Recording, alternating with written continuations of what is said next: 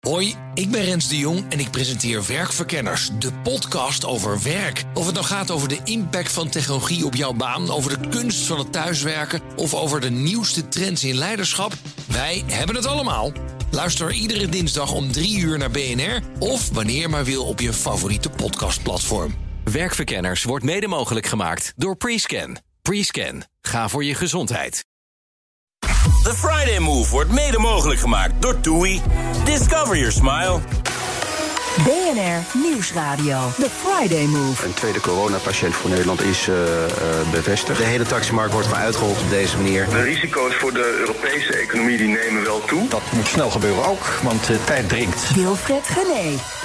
Vanuit de Skylands dobbelt weer bij Hilton Hotel. En vandaag naast mij eh, Jora Riemstra, actrice en theatermaakster. En ze is bekend onder andere ook van Rambam, eh, radioprogramma's op Radio 2. eh, De ochtendshow bij eh, het AD, ze doet zo belachelijk veel. Verder ook oud-paroolhoofdredacteur Barbara van Beukering. Zij schreef een boek over persoonlijke zoektocht naar sterven. Wat een heerlijke rustige muziek op de achtergrond. Ga ik even van genieten gewoon. Wat is dit in hemelsnaam zeg? Oké, verder ook nog een modestylist Dani Bles, de eigenaar van de Amsterdam Fashion Week. En vele anderen, onder andere Bernard Hammelburg. Dat allemaal in de Skydance. Doubletree bij Hilton Hotel.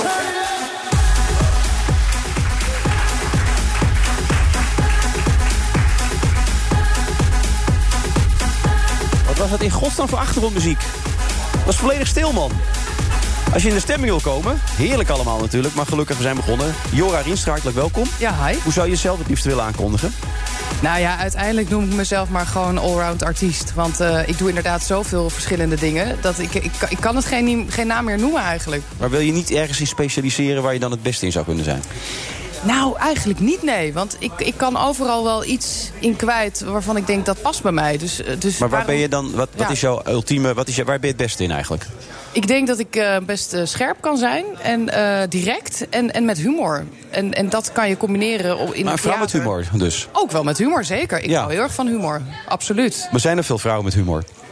Ehm, nou, dat is een steekproef die we wellicht eh, eventjes moeten doen zometeen. Nee, eh, er zijn zeker vrouwen met humor, absoluut. Noem er eens drie. Nou ja, eh, even kijken. ehm, mezelf. Oké, dan hebben we er eentje. Ja. Jora Rienstra, noteer Dan- ik. dan, ja, heel eh, goed. Jora. eh, Ja, noteer mij eventjes. Eén. Eh, ik vind eh Brigitte Kaandorp erg grappig. Ja, dat was jouw eh, inspiratiemodel Ja, natuurlijk. hè? absoluut. Daar ben je mee begonnen allemaal ook. Kleinkunstacademie, Ja. Oh. wel toch toneelschool. Absoluut, vind Ja. ik een hele, hele leuke vrouw. Ja, maar die is inmiddels 83, dus dat is ook een beetje... Ja, maar goed, dan kunnen ze nog wel grappig zijn. Nee, dat is waar. Wilfred. Ja. Hè? Ehm, en ik eh, vind bijvoorbeeld... eh, ja, wie vind ik nog meer grappig? Ik, ik vind vrouwen op, op tv... Die, Gaat soepel eh, dit, hè? direct, ja, maar je moet even nadenken. heb, jij, heb jij een paar voorbeelden? Eh, Heb jij, Vind je Claudia de Brij grappig?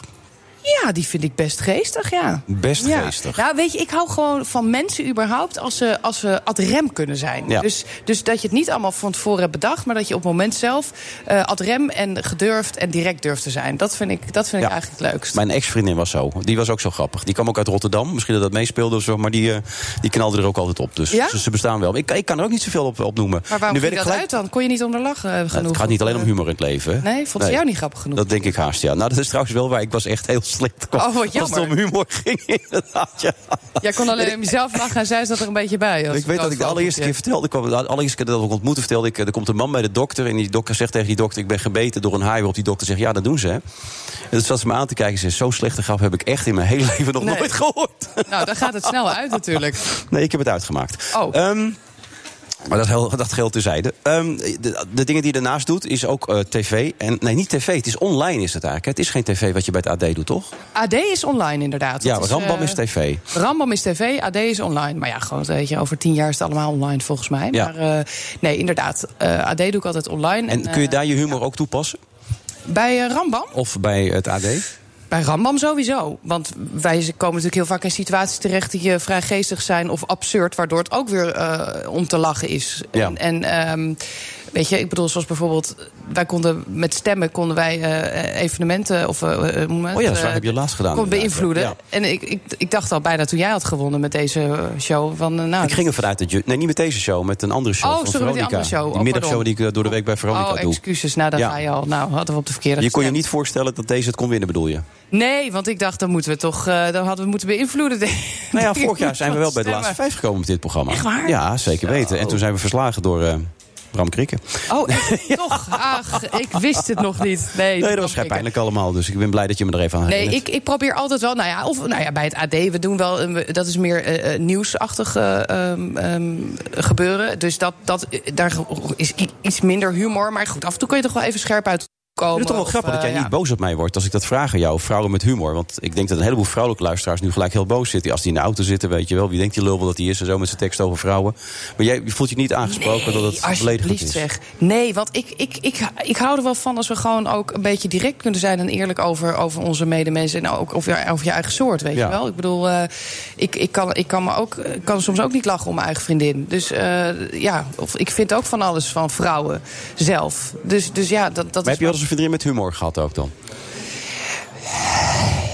Was die DJ nog ergens? of, Nee, die eh? komt zo meteen pas. Ja. Jawel, ik kan wel absoluut lachen, ook Ja. met, met andere vrouwen. Maar ik vind heel veel mannen ook helemaal niet grappig. Dus Nee, dat is waar. In die zin, ja, weet je, ik, eh, ik moet maar kijken of ik nog een beetje om jou kan lachen Als je vandaag. het procentueel bekijkt, zijn er dan meer mannen die grappig zijn of vrouwen die grappig zijn dan? Ja, maar dat, dat kan je toch helemaal niet zo, niet zo stellen? Dan, dan, zou, dan zou je echt een enorme eh, steek Er zijn toch veel meer vrou- eh, mannelijke cabaretiers en, en stand-up comedians dan de vrouwelijke cabaretiers zijn. Maar dat heeft niks te maken met het feit dat mannen grappiger over het algemeen zijn. Dat nee, je dat niet. denk, ik, dat denk ik niet. Ik denk Er dat zijn er. minder dat- vrouwen die het willen gaan doen. Ja, weet je als, je, als je in je eentje op het toneel staat, dat doe ik ook al elf jaar. eh, dat, vrouwen hebben toch de neiging om, om zich sneller te binden aan mensen. En gewoon gezellig en lekker kunnen kletsen en relativeren met anderen. Eh, mannen kunnen denk ik wat beter op zichzelf zijn. Ik denk dat dat een van de redenen is waarom vrouwen wat minder snel solisten worden. Je doet dat zelf al een hele tijd, vertel je net. Ja, nou, Waarom doe ik jij weet het ook dan niet. Ja, weet ik veel. Ik heb ook een beetje haar op mijn bovenlip. Ik weet het niet. Misschien heb ik Nou, wel niet een beetje... altijd. Ik, ik las van een optreden dat je het in Diemen had gehad een aantal jaar geleden. Dat was verschrikkelijk geweest, toch? Hoezo alleen de diemen? Nou, niet alleen in Diemen, maar die was recht uitgesprongen. En toen reed je een paar jaar later weer in het Diemen. Toen dacht je, waarom heb ik nou zo'n zwaar gevoel over me? Hoe kan dat nou? En toen schoot je opeens te binnen dat een paar jaar daarvoor in Diemen... het een verschrikkelijke afgang was geweest. Nou, ik heb heel veel afgangen gehad in, in mijn leven met, in, in het theater. En, en, en dat je plekken bent waar gewoon nul gelachen wordt. Ja, dan, dan, dan, dan wil je echt kruipend en huilend naar huis. Ja. En als je dan niemand naast je hebt waarmee je het eh, een beetje kan eh, bespreken of eh, kan, kan eh, rela- relativeren. Maar kun ja, je het dat is, inmiddels eh, benoemen of niet? Kun je het inmiddels bespreken met de zaal als het niet gaat? Nou, nu speel ik dus een toneelvoorstelling, een, een monoloog. Eh, Over daar een kan ik, manisch-depressieve vrouw, is dat Over een toch? manisch-depressieve vrouw. Daar hoeft dus niet om gelachen te worden. Nee. Nou zat ik wel... Up is dat. Ja, up. Nou stond ik laatst te spelen op een plek... waar een vrouw serieus van begin tot eind, na elke zin... dit deed. Mm. Te- ook bij serieuze stukken, dat ik zei... ik wil, eh, ik wil er ergens vanaf springen. nou ja, dat, dat, dat was dan weer het andere uiterste. Toen dacht ik had, ik, had ik die maar in mijn zaal... bij mijn cabaretshow toen in eh, Diemen. Ja. Maar ja, toen had ik weer een soort... eh, soort, soort publiek in mijn zaal wat dacht, wat zit ik nou, nou naar Het is te dan niet kijken? zo dat je, als je merkt dat het echt niet gaat... dat je op een gegeven moment met metataal de situatie kan beschrijven... tegen de zaal kan zeggen, ik heb niet de indruk dat dit zo lekker loopt. Nou, dat is toch lastig om dat te doen. Omdat je, ik word ook altijd ergens kwaad van binnen. Dat ik denk, godsamme, ik ga gewoon door. En eh, dan moet je, het, op- moet je het wat subtieler proberen te doen. Want echt gewoon gaan benoemen, dan wordt het, wordt het publiek helemaal ongemakkelijk. Heel grappig trouwens. Normaal gesproken is Mireille Wijs, mijn eindredactrice. Ja. En hier staat dan een beetje beweging te maken met die handen. Weet je, je kent die ene hand op die andere hand. en nou enzovoort. je mond dicht houden. En nu door. komt onze, onze eindredacteur van vandaag, die legt een briefje voor mij neer. En er staat op ANWB Helene de Geest. Oh, kijk, nou daar ga je. Nou, dat vind ik wel heel attent dit. Ik bedoel, dan weet ik ook een keer wie de ANWB doet hier. Nou, hartstikke leuk. We gaan naar de ANWB, zoals je begrijpt al. Friday Move, vrijdag 28 februari. We zitten in de Skylands, Doubletree bij Hilton Hotel. Ik had mezelf voorgenomen, althans mijn vrouw zei tegen mij... geef nou mensen geen handen hè, in deze tijd. Pas er nou een beetje op. Mohammed Azai komt binnen, ik geef gelijk een hand. Was bij jou nog wel geluk, Jora, zojuist, hè? Ja, maar we hadden geen handen gegeven. Nee, we hebben geen handen. We hebben ook meteen dat desinfectiespunnetje opgedaan. Ja, die ligt in mijn tas als je Ja. die nodig hebt. Maar eh, macht en gewoonte. Maak je, ma- maak je je er zorgen over? Ben je bang voor het coronavirus? Nee, toch? Nee, ik ben persoonlijk niet echt bang, nee. nee ik merk wel om me heen dat wat, eh, mensen die wat ouder zijn... nu een beetje paniekerig beginnen te raken. En eh, nou ja, zoals mijn moeder, die wilde echt wel mijn desinfectiespul hebben. Ik heb het standaard bij me. Nou, jij ook, vertelde je me net. Want Ja, ja, wij we, hebben hebben allebei, kinderen, ja. we hebben kinderen en je hebt gewoon geen zin in al die ziektes. Dus ik ben standaard aan het ontsmetten in huis, buitenshuis. Eh die kinderen ben ik altijd eh, aan het desinfecteren en mezelf ook. Ja, Dus, naast je zit acteur Mohammed Azai. Zo zeg ik het goed, Mohammed, toch? Heel goed. Ja. Eh, Maak jij je zorgen over het coronavirus? Nee, ik hou me er helemaal niet mee bezig. Oh. Nee, ik eh, ben veel te druk met het voorbereiden van mijn voorstelling. Eh, en ik, eh, ja, het wordt een beetje opgeblazen of zo. Ik denk, ja, het is goed goed om je handen te wassen en om te douchen en dat soort dingetjes. Maar Ja.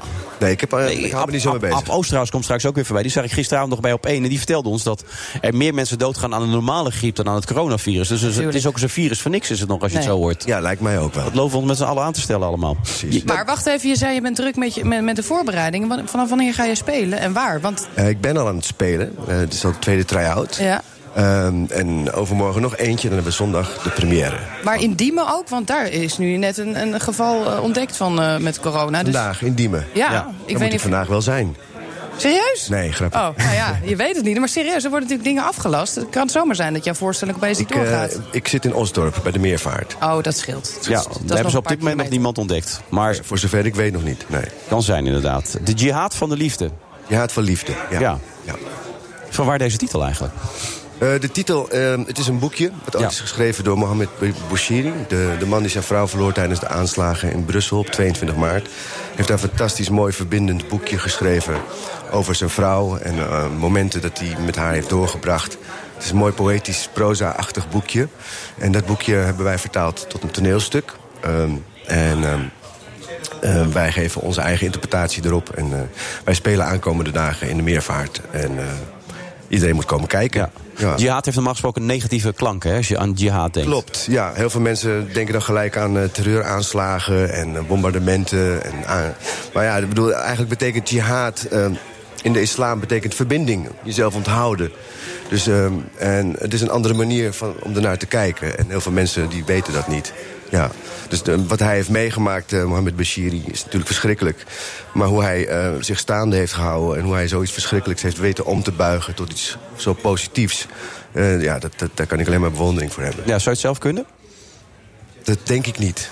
Waarom Nee, niet? Ik denk, ik denk als, het mij, als, ja, als, mij dit zou kunnen, als het mij dit overkomt, dan is het natuurlijk verschrikkelijk, lijkt mij. Maar je gaat natuurlijk door alle, allerlei fases heen. Ik, ik geloof niet dat, eh, dat Mohammed Bashiri eh, meteen al zoiets had van... oh, dit, is, eh, dit wil ik achter me laten en ik wil, ik wil iets, iets, iets moois en positiefs hieruit halen. Ik denk dat je natuurlijk als mens ga je door allerlei lagen heen...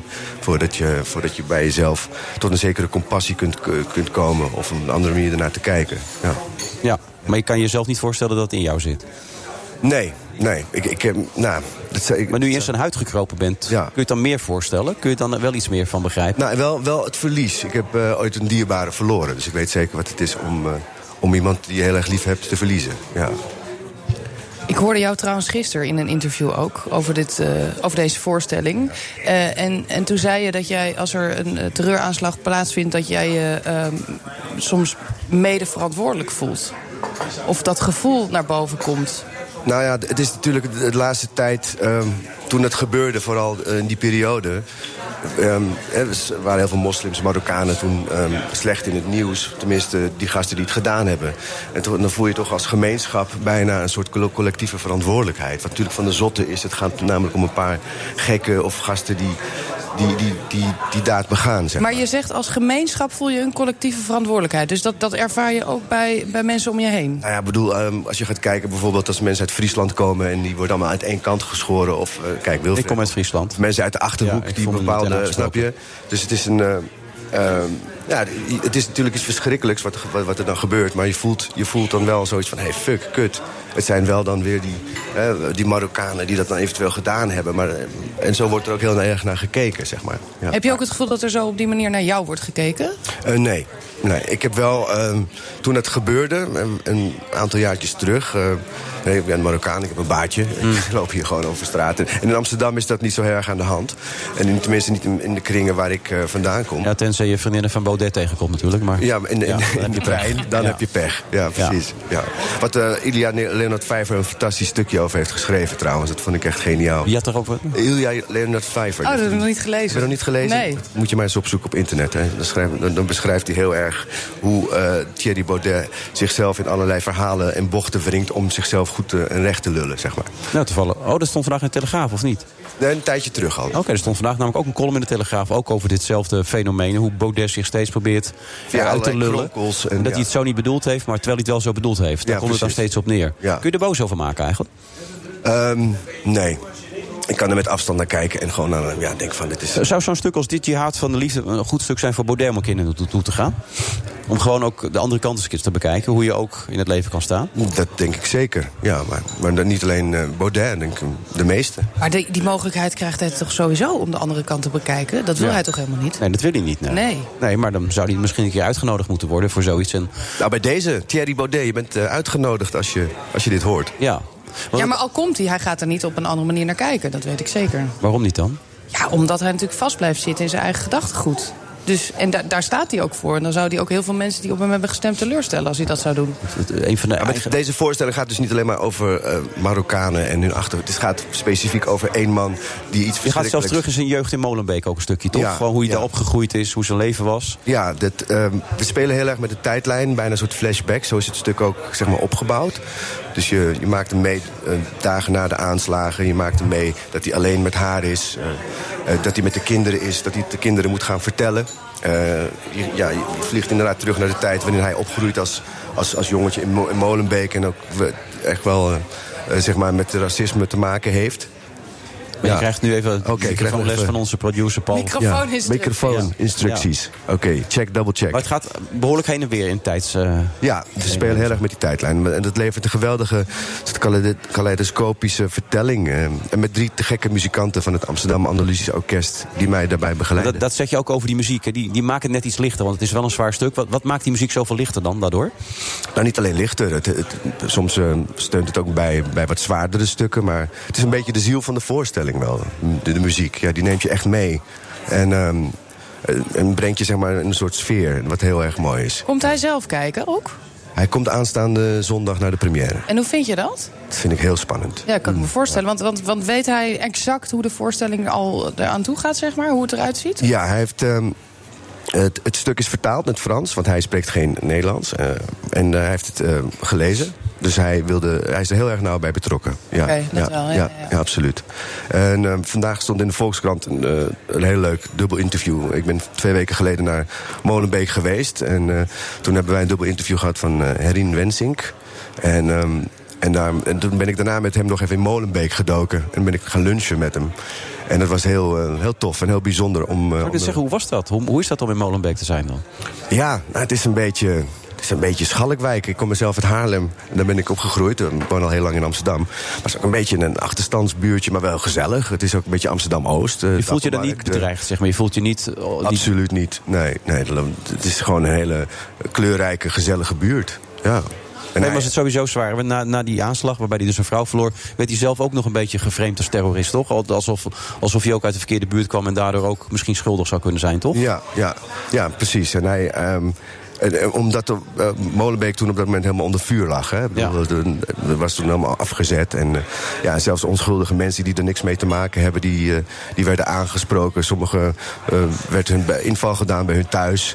Dus ja, dat was, eh, dat was heel heftig natuurlijk. Geeft dit beeld ook een beetje aan hoe, hoe wij, hoeveel wij niet weten eigenlijk over zo'n situatie als in Molenbeek? Dat is natuurlijk, een- je ziet het ook in eh, Pari- Pari- Parijs natuurlijk, met al die buitenwijken. Ja. Waar soms de politie niet eens meer in kan komen, binnen kan komen. Is dat in Molenbeek ook al een beetje dat gevoel dat je in een andere wereld terechtkomt? En kun Ja. je dat ook neerzetten in het toneelstuk? Twee vragen achter elkaar. ik Twee weet het. vragen achter elkaar. Ja? Ehm, eh, kan Krijg je het je dat neerzetten gevoel? in het toneelstuk? Ja, ik vertel erover. Dus je, je, moet je, hè, je laat je fantasie erover. Maar ik heb het wel degelijk over Molenbeek en over eh, hè, de zwerfafval die overal ligt. En, eh, en dat je dubbel moet- moet parkeren omdat het zo druk is overal op straat. En mensen negeren de stoplichten. Dus het heeft wel een soort bepaalde sfeer. Maar grappig dat je over, over Parijs begint. Want hij, ehm, dat is echt met, Mohammed is echt een man met een missie. Hij wil ook gewoon ehm, naar Parijs toe om, om, eh, om dat gedeelte nog te veroveren. Zeg maar. Ook met, Maar moeten jullie niet naar Parijs toe met deze voorstelling? Nou, wie weet. Wie weet. Hoe is je Frans? Zal wel goed zijn, toch? Mijn Frans. eh, Ja? ehm, nou, dat kan ik, eh, dat eh, kan ik wel. Ja, ja. Dus we kunnen bellen. We kunnen bellen. Ze kunnen zeker Nou ja, bellen. ik weet niet hoeveel in Frankrijk er nu besmettingen... want dat, daar hangt het natuurlijk allemaal weer vanaf. Jij met je besmetting. Ja, ja, Ja, ik het- heb ja, dus- het- heb ik- we ja, houden de peiling. eh, Zie maar als een soort Maurice de Hond van het coronavirus. Een beetje de peiling in de gaten Oké. houden. Waar, waar, ik denk dat we ons niet te druk- Nu, Nou, waar is het nu? Ik denk niet dat we ons er druk over maken. Het feit dat Turkije nu de grens openzet om alle Syriërs vluchtelingen deze kant op te laten komen, Ja. is denk ik heftiger nieuws op dit moment dan het coronavirus, toch? Ja, precies. Dat zijn er drie of vier miljoen mensen die deze kant op kunnen komen. Gezellig, toch? Ja, nog meer zielen, nog meer vreugd. Ja, natuurlijk. Ik denk dat Thierry Baudet nu helemaal gek wordt als je dit zegt, eh Mohammed. Maar dat maakt jou niet zoveel uit. Dat maakt me die niet indruk. zoveel uit. Nee. Nee. Vind je het zo'n eikel of niet? Wie? De eikel. Ja, Baudet? Nou, nee, nee, dat weet ik niet. Ik bedoel, eikel is een groot woord, denk ik. Ja. Ik, ken hem, ik ken hem eigenlijk niet. Nee. nee. Zou je hem willen kennen? Nee. Oké, dat is duidelijk. Eh, de zenuw, hoe gaat het nu op dit moment? Onderbuikgevoelens? Of? Ja, eh, ja zeker, zeker. Maar vandaag was ook eh, een beetje een drukke dag. Dus vanochtend hadden we nog een trailer opgenomen, snel. Dan weer terug naar huis. En Hier, lekker bij jullie, wel wat gezellig is. En dan zometeen eh, weer terug. En dan gaan we eten en eh, voorbereiden en eh, lekker spelen.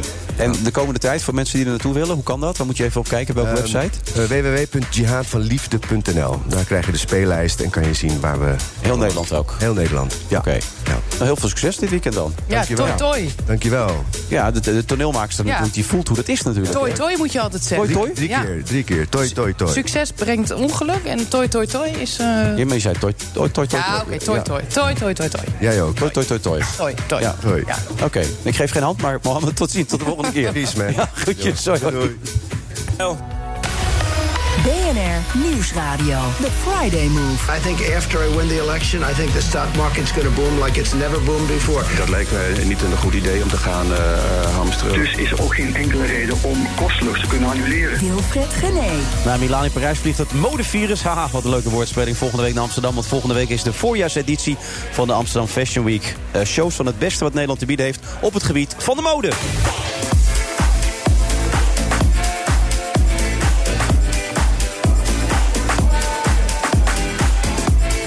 En naast me nog steeds eh, Jora Rienstra, allround mediamens. Zo kan ik je het best omschrijven, Ja, doe toch? dat maar gewoon. allround mediamens. Ja, joh, tuurlijk. Ja.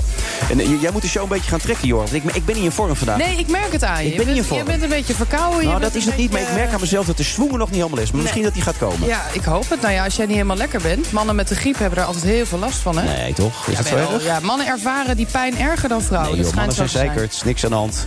Maar dat is het niet wat ik bedoel, hoor.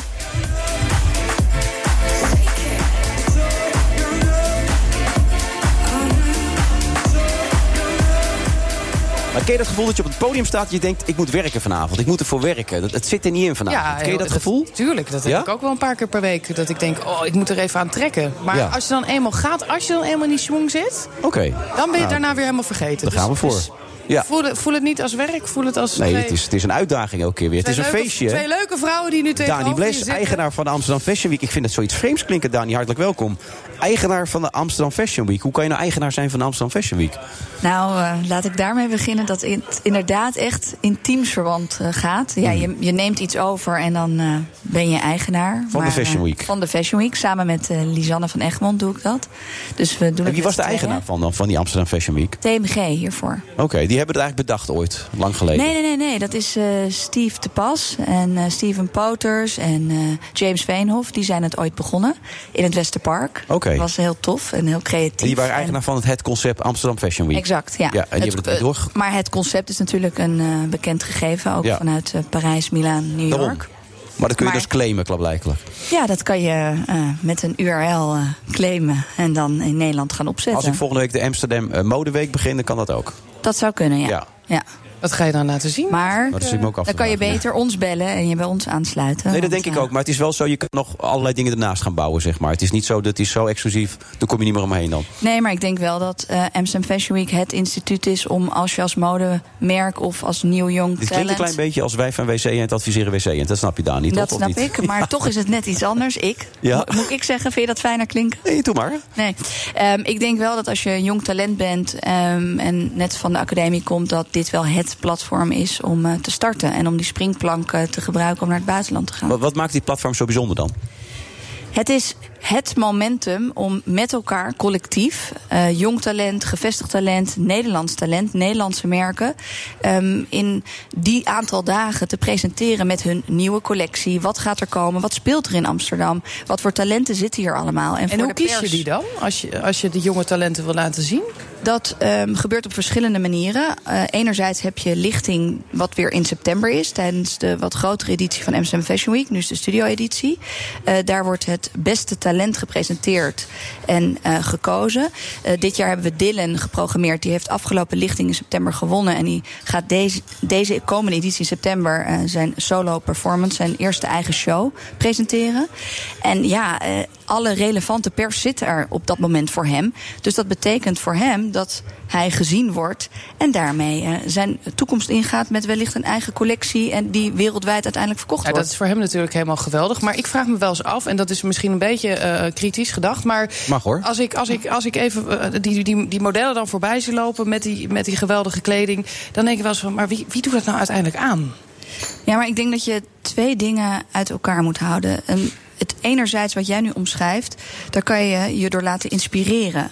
Het hoeft niet meteen te betekenen dat je dat aan hoeft te doen. Er zijn natuurlijk ook hele grote commerciëlere merken, eh, maar ook kleinere merken, veel duurzame merken die nu opstaan, die heel draagbaar zijn, die zich daar ook presenteren.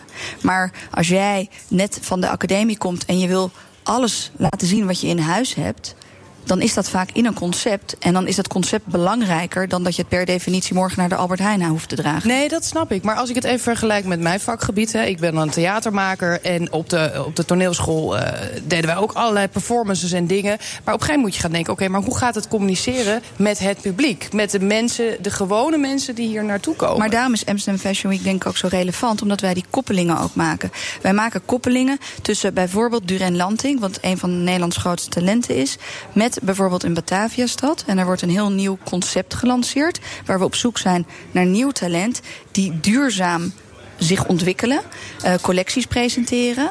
En hij begeleidt dat, hij cureert dat, hij heeft dat verstand, hij heeft die know-how ook.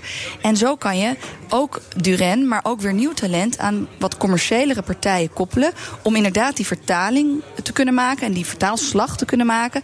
Om ook eh, ja, toekomst te hebben. Maar die maken, dan, die maken dan kleding, want ik denk dat je dat- dat bedoelt, Jorgen. Kleding die wij ook aan zouden kunnen ja, trekken met z'n exact. allen. Ja. Of je denkt, dat vind ik mooi, Daarvoor dat is ook heb je de aantrekken. grotere commerciëlere merken nodig. Want die hebben de expertise, de ervaring. Die hebben alle hè, hobbels en wegen al. eh, Eigenlijk door- laten die jonge mensen dan zien wat ze in hun mars hebben. En op basis daarvan, met wat aanpassingen, krijg je dan het commerciële model. En mensen met ervaring hebben het vermogen om talent te kunnen ontdekken en te omarmen. En die, die push te geven die ze nodig hebben. Maar wat is nou het geheim dat je het weer op gang hebt weten te krijgen? Want het zat een beetje in het verdomhoekje, de Amsterdam Fashion Week. Ehm, ja, Het- het gaat- het gaat nou, ook niet- sowieso vind ik het volgens mij heel erg leuk om dingen die nog niet zijn waar ze moeten zijn, om die om te turnen. Daar zit mijn uitdaging. Ja. Ehm, ik heb drie dingen veranderd toen we het overnamen. Dan zeg ik weer we, maar dat is dus Ja. Lisanne en ik.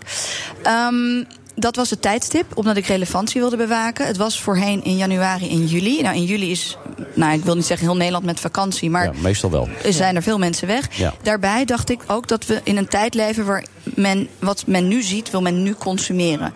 Het see now, buy now principe. En of dat nou in een klein aantal is of in een capsulecollectie is en duurzaam daarmee is, maar toch wil je het, nu- wat je nu ziet op social media wil je nu consumeren. Dus we hebben de tijdstip veranderd. Dat hebben we naar maart en september eh, ge- gedraaid. Wel slim zo Ehm, net naar carnaval. Want na al die gekke pakken heb je wel zin in wat, eh, wat serieuzer. Wat, wat meer fashion. Ja, precies. Ehm, dus eh, relevantie, we hebben de locatie gewijzigd. We dachten, ja, we willen eerste editie hebben we op Museumplein gedaan. Daarna zijn we door de hele stad gegaan. Omdat ik vind dat ook ieder merk zoekt zijn eigen identiteit. En dat past niet allemaal op één locatie. Ehm, dus we zijn door Amsterdam gegaan. We zijn, zitten in het See Now Buy Now. En we zitten dus op eh, een ander tijdstip. En ik denk dat dat eh, is, iets is waar men nu behoefte ook aan heeft. Nou, de laatste recensie was heel positief. De grote jongens deden mee, stond in de recensie. Daarnaast had jong talent, goed begeleid ook nog een podium, wat heel belangrijk was. En de commercialiteit, commercialiteit viel mee. Je moet natuurlijk commercieel zijn, je moet partijen erbij Ja, halen. maar ik vind het nog belangrijker. Want ik geloof erin, als je iets overneemt wat niet meer is wat het moest zijn. Ja.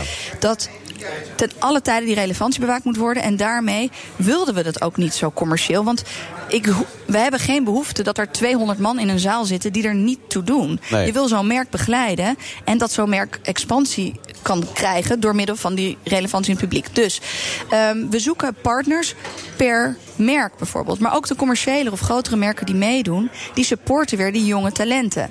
En op die manier proberen wij eh er Ja. een gezond en succesvol Zou ik bedrijf zeggen, van te het- maken. het moet toch wel commercieel ook uiteindelijk weer zijn. Anders krijg je niet voor elkaar. Ja, maar het moet wel kloppen. Ja, het moet bij elkaar passen. Ja. Het moet, het Ik moet- denk dat dat eh, het allerbelangrijkste is om, om dat te bewaken. Ja. En nu, nu sta je weer op allerlei kunstlocaties, begrijp ik ook, toch? Ja, ik, ik zit nu, eh A- AFW Studio in maart is altijd iets compacter, iets kleiner. Ik vind het leuk om die link met kunst te maken. Sowieso is kunst natuurlijk een directe inspiratie voor mode. Eh, we zitten in het Hem op vrijdag met eh, Daniela Katari. Haar afstudeerproject was eh, het cust- recustomizen van Adidas trainingspakken. Oh, dat is gaaf. Ik wilde dat als kostuum. Nou, precies. Nou, dat kan dus, maar binnenkort ook in Amsterdam. Want zij gaat nu los van die collectie haar wereld presenteren. In samenwerking ook met Bud bijvoorbeeld. Die koppeling hebben we gemaakt. En eh, haar collectie wordt daarna ook in de Bijenkorf verkocht. Maar haar eigen collectie. Dat is Oh, Ja, dus niet die Wilfred is combinatie met heel gaaf. Adidas. Zij, zij heeft dus die Adidas pakken. En die heeft ze dan helemaal, nou ja, eh, ge- ja ge- hoe noem je dat? ge- Verknipt eigenlijk. Ja, en weer helemaal ge- opnieuw. Customized. Duurzaam dus. Je kan het wel dragen. Aan elkaar eh, ge- geplakt. Ja. Ja, eh, ik, volgens mij heeft... Dat was eh, haar afstudeerproject. Het Rijksmuseum zou je een keer graag willen doen, Dani, begrijp ik, toch? Ja, daar wil ik eh, zeker eh, een keer graag staan. En ook weer, als dat helemaal klopt en matcht, misschien met een heel te gek eh, sneakermerk. Dat lijkt Ja, me als wat. hij Maar ik nu wil ook nog in het luistert, mag hij concertgebouw met een sneakermerk. Ja, dat wil ik heel graag. Hij zit wel in de talks deze editie. Oké. Jam van Gilling Of, Feeling toch, of toch Pieces. weer iets gek doen met, eh, geks doen met Zeeman dan, hè?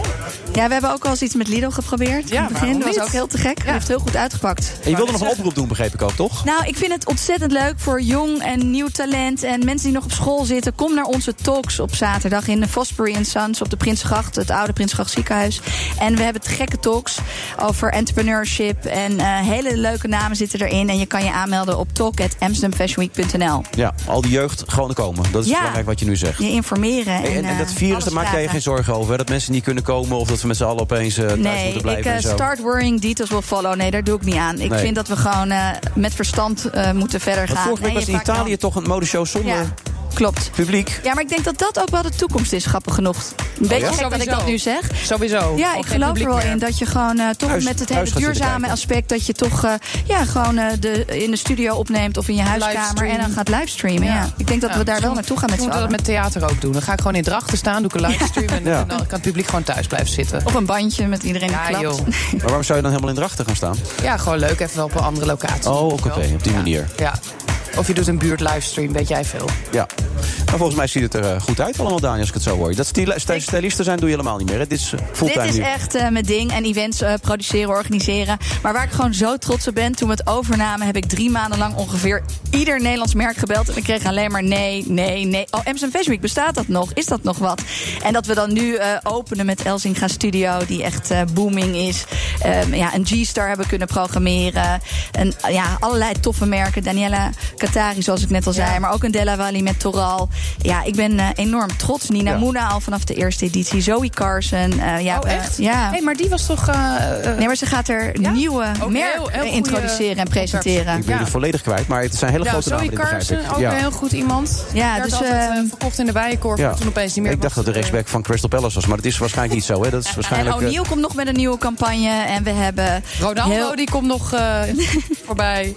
Dus Met we gaan z'n- eh, met z'n fashion. een hoop doen. En Duran Lanting met Bataviastad. Dus ik eh, ben trots. Nou, donderdag tot en met zaterdag, toch? Ja, Ja. we gaan ervoor. Succes. Dankjewel. Dankjewel.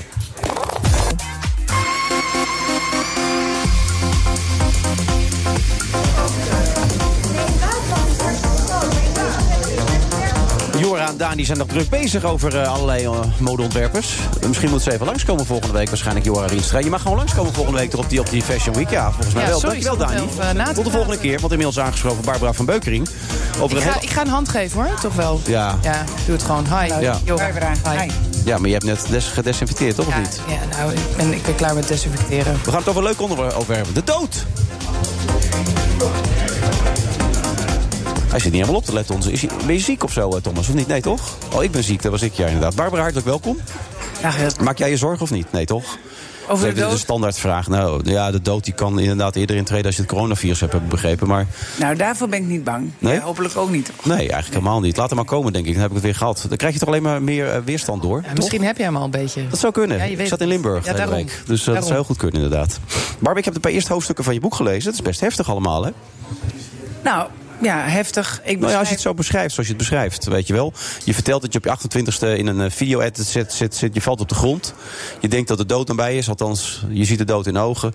Je komt erachter dat het een paniekaanval is, althans, dat wordt je later uitgelegd. En dan herleid je waar je paniekaanval vandaan komt, namelijk de dood van je vader... die nooit echt afscheid van het leven heeft kunnen nemen. Vat ik het zo goed samen? Nou, ik ben echt onder de indruk. Oh, oké. Nee, je valt het heel goed samen. Dat klopt. Mijn vader is 28... of Nee, ik was 28. Het is 24 jaar geleden. Hij was toen 60. Overleden aandachtvol van darmkanker. En het was een afschuwelijk ziekbed. Echt een, nou, zoals je dat voorstelt, als iemand heel erg kanker heeft. Heel naar ziekbed. Maar wat het vooral zo naar maakte, was dat hij er niet over kon praten. Omdat hij zo bang was. Dus echt volledig in paniek. En eh, hij kon het niet bevatten en hij kon het niet accepteren. Maar hoe zag die paniek eruit? Want dat probeer ik me voor te stellen. Hoe, wat wat gebeurt er dan met iemand? Nou, dat iemand gewoon heel, steeds heel bang is van wat, wat er gebeurt. Eh, In, in zo'n sterfbed gebeuren elke dag hele erge dingen met je lichaam. Hè. Je gaat roggelen. Of je gaat, dus dat is heel erg. Maar het is ook heel erg als iemand er niet over kan praten. Weet je, ik begon af en toe voorzichtig van... Pap, ehm, ja, het gaat niet goed. En dan zei hij, ik ga niet dood. En ik vecht, weet je wel. Dat maakt het heel moeilijk. Maar goed, in ieder geval, ik heb daarna jarenlang gekampt met nachtmerries en paniekaanvallen. En eh, ze- zes jaar geleden kreeg mijn moeder ook te horen dat ze darmkanker had. En ik dacht toen, oh, daar gaan we weer. Weer zo'n vreselijk proces. Maar mijn moeder zei meteen, nee, nee, nee, dat gaan we niet doen. Ik laat me niet behandelen. En ik ga, voordat ik zo ziek word, euthanasie laten plegen. En dat heeft ze gedaan. En dus ik heb haar nooit zien lijden. We hebben sterker nog, we hebben eigenlijk een hele fijne laatste fase gehad. We hebben erover kunnen praten, we hebben er zelfs over kunnen lachen. We- En uiteindelijk is zij overleden. En heb ik helemaal daarna geen last ervan gehad, behalve dat ik hem mis. Maar Misschien even een gekke vraag, hoor, Ja. maar, maar wat maakte dat jouw vader eh, ten opzichte dus van je moeder dan wel zo bang was voor de dood? Ja, en dat is, nou, het is een hele goede vraag zelfs. Want dat was de vraag waarmee ik op pad ging toen ik mijn boek ging schrijven. Want hoe kan het dat de ene mens totaal in paniek raakt... en de andere mens heel snel tot berusting overgaat? Want mijn ouders waren hetzelfde soort mensen. Ik bedoel, rationeel, niet gelovig, intelligent. Dus waarom is de ene mens, kan het niet accepteren... en gaat helemaal door angst geregeerd eh, dood... en de andere zegt vrij snel, oké, het is niet anders... Nou ja, en dat laatste zie je ook veel in films hè? en series. Het is altijd eh, vri- vredig. Mensen zeggen nog eh, een laatste paar mooie woorden op een sterfbed en, en gaan dan vredig heen. Ja, en dat is meestal volgens mij niet het geval. Nee, want die angst die je bes- dan in je boek beschrijft over je vader... dat, dat is iets wat je natuurlijk als mens liever niet wil zien. Nee, en dus ook weinig ziet. Precies. En ook wel weinig over wil praten. Omdat het namelijk best traumatisch is. Als iemand zo gaat, dan wil je dat gewoon. Dat is voor hem heel erg, of voor haar, de overledene. Maar die is wel dood. Dus Die die heeft er dan op dat moment geen last meer van. Maar de nabestaande, die blijft zitten met het trauma. Ja. maar je had een schuldgevoel. Je had een enorm schuldgevoel. Hè? Want daar Ja. kwam die paniekaanvallen ook vandaan, toch? Ja, klopt. Omdat ik dacht van ik heb hem niet kunnen troosten. We hebben het er niet over kunnen hebben. Ik wist niet eens of hij begraven of gecremeerd wilde Nee, dat worden. vergist hij je ook nog, bleek later. ja, hè? nou ja, vergiste. Ik gokte. Ja, en je gokte Begra- verkeerd. Ik gokte verkeerd. Ja. Waardoor hij nu al 24 jaar onder de grond ligt. Terwijl, die, terwijl wij later, toen we het huis gingen opruimen... zagen we een papiertje dat hij gecremeerd had willen worden. Maar omdat er niet over gesproken was, wisten we het gewoon oprecht niet. Is dat iets wat je alsnog zou willen doen? Nou ja, we kunnen moeilijk... eh, nee. Maar je kunt het doen.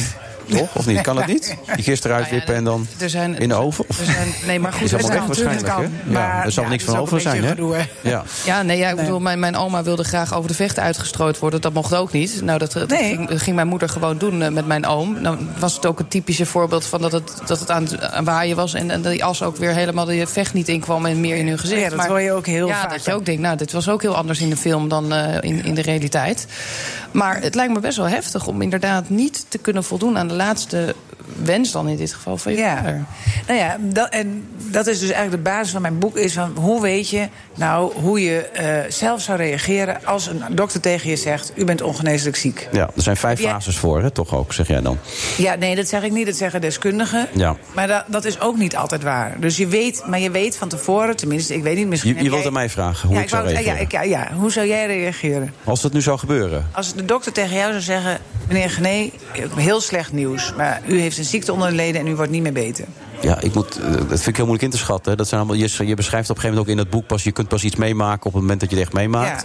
Maar heb je er wel eens nou, laat Mezelf, ik ja, natuurlijk heb ik erover nagedacht. Ik heb er zelfs wel over nagedacht. Als ik mezelf zou kennen, zou ik daar wel redelijk rustig in zijn, denk ik. Ja? Ja, want dat, eh, eh, het komt ook misschien ook wel... Kijk, ik heb jonge kinderen, dus ik wil voor die kinderen zo lang mogelijk blijven leven. Maar alles wat ik in mijn leven wilde doen, heb ik gedaan. Dus ik, heb, ik zit niet met een gevoel in me van... oh, ik had dit nog willen doen, ik had dat nog willen doen, ik had dat nog willen meemaken. Ik wil hun oud zien worden, dat is wat ik heel belangrijk vind. Maar voor mezelf heb ik het gevoel dat ik alles uitgehaald heb tot nu toe. Ik heb nooit eigenlijk het idee gehad van... oh, ik had het anders aan willen pakken in mijn leven. Dus daar heb ik echt wel een hele grote rust in. in ook. Ja. Alleen naar die kinderen toe zou ik het verschrikkelijk vinden. Daar, Tuurlijk. gaat- daar gaat mijn gevoel dan naar uit op zo'n Ja. moment. Ja, maar het is wel heel mooi dat je dat zegt. Want de deskundigen in mijn boek, want ik heb zes deskundigen gesproken, echt, echt autoriteiten op het gebied van sterven: hè, oncologen, euthanasieartsen en hospicemedewerkers. En die zeggen allemaal eigenlijk van als je dankbaar bent voor je leven, wat jij nu eigenlijk uitspreekt, van ba- dankbaar voor de dingen die je hebt gedaan, dan kun je eerder berusten op je sterfbed. Dus dan word je minder snel door de- die paniek of angst overvallen van oh, moet ik nu dood? Maar betekent dat dat jouw vader dan een leven had geleid die hij anders had willen leiden? Nou, ik denk dat hij. Nou, er zijn een andere reden om in, waardoor mensen heel erg in paniek raken. Dat heb ik allemaal geleerd hè, door mijn boek. Maar door die deskundigen die mij eh, dat hebben verteld. Is dat we helemaal niet bij de dood stilstaan. We wanen onszelf eigenlijk onsterfelijk. En we denken er nooit over na. Mijn vader had er nooit over nagedacht. Die was 60 jaar, midden in het leven.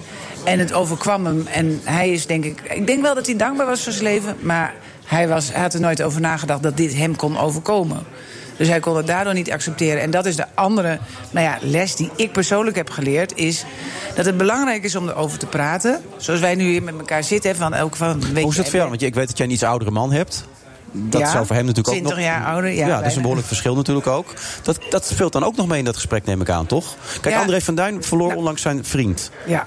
En, Jullie- An- en die hadden ik, was, ik afgesproken. was precies zo oud als die vriend. En mijn, en mijn man precies zo oud als André. Oh, ja. En zij had eigenlijk alles geregeld voor de dood van André. Ja. En toen ging zijn vriend opeens dood. Dat was voor zijn, ook voor zijn belevingswereld zo moeilijk te bevatten daardoor ook. Ja. Maar hoe is dat voor jullie dan als jullie die gesprekken voeren? Nou, ik vind ook eh, dat het voorbeeld van André en Martin is een heel goed voorbeeld om je altijd te realiseren dat het dus helemaal niet vanzelfsprekend is dat de oudste doodgaat of dat je zo oud wordt. Ik bedoel, Nee. het kan dus elke dag iedereen altijd overkomen. Ja, maar daar wil je toch helemaal niet mee bezig zijn? Nee, liever niet. Nee, maar het, bo- het boek heet dat je kunt het maar één keer doen. Je hebt wel gelijk dat het, het, het beter is denk ik om het besproken te hebben. je, hoeft er niet, zeker. je hoeft er niet mee bezig te zijn, onafgebroken. Maar dat er iets van besef al is, weet je wel. Want dat, die, dat overvallen, dat, dat, wat, nou, in zo'n geval met jouw vader... dat lijkt me heel heftig namelijk, Ja. wat je net beschrijft. Maar hoe is het nu voor jezelf dan? Jij, jij kan er nu mee aan. Nou ja, kijk, ik blijf, ik blijf tegen de dood. En ik vind Ja? het nog steeds een rot concept en ik zie er als een berg tegenop. Je hebt een klacht ingediend, hoor ik. En ik, Ja, heel goed. En ik hoop dat ik 100 word. En, eh, maar, maar, dus het is, het-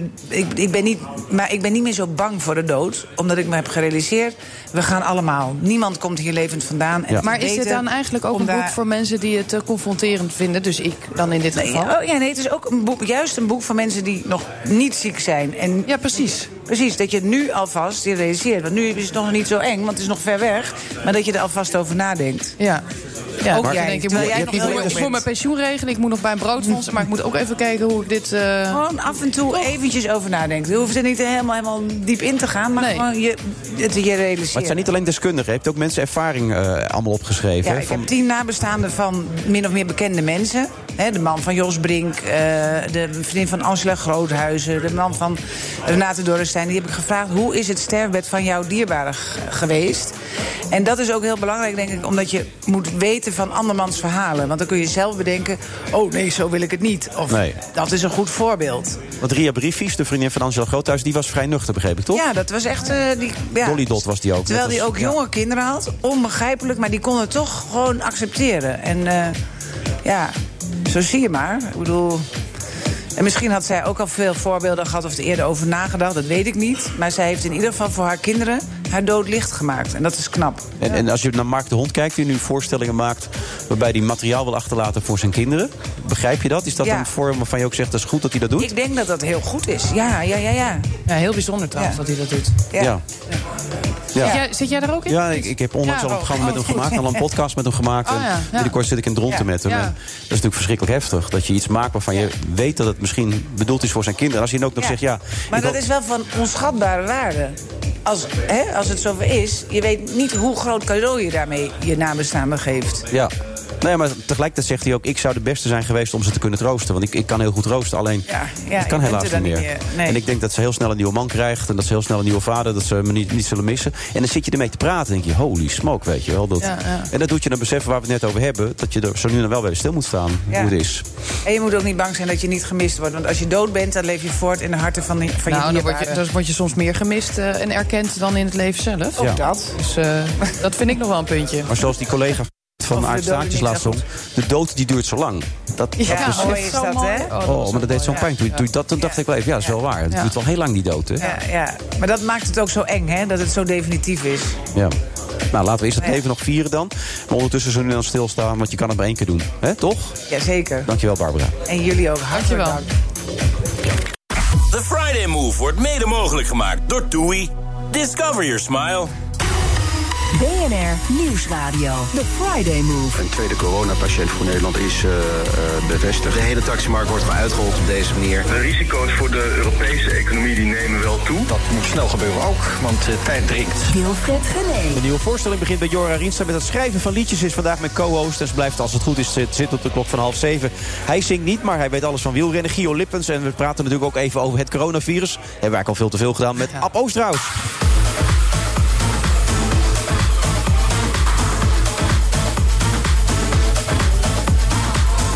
Ja, je wordt er een beetje moe van, heb ik de indruk. Hè? Jij bent een beetje het update ook zat, toch? Of vind je het wel weer leuk ook? Nou, het is natuurlijk een, een dankbaar onderwerp bijna voor in de media. Hè? Ik bedoel, wij hebben het de hele tijd over. Er worden al grappen over gemaakt. Het houdt ons allemaal bezig. Eh, het is natuurlijk ook een eh, deel sensatie. Maar waar ik nu wel benieuwd naar ben, is... We hebben het de hele tijd over die uitbraak... en over waar in welke landen het allemaal is. Maar die oorsprong, moeten we daar niet ook even over hebben? Dat gaat Die- Ab Oosterhuis zo meteen toch weer uit. Nou, dat hoop maar je ik. bedoelt Wuhan, bedoel je op die markt en Ja, zo. wat, wat, wat ga- ga- gaan daar nog eh, maatregelen komen? Want ja, we willen dit De natuurlijk markt sluiten. niet... Nou, ik weet niet wat, maar dat is wel heel rigoureus. Maar Geen je- vleermuizen meer eten in China. Nou, onder andere. Nee, maar dat, dat vind ik wel apart. Van, van hoe gaan we daar tegenaan kijken dan in de toekomst? Want daar moet dan wel iets gaan gebeuren. Want we willen dit niet nog een keer, toch? Nee, maar de kans dat ze het daar zomaar plat gaan leggen. Dat is wel een enorme traditie toch voor die mensen op dat soort markten om zo eh, met hun eten om te gaan.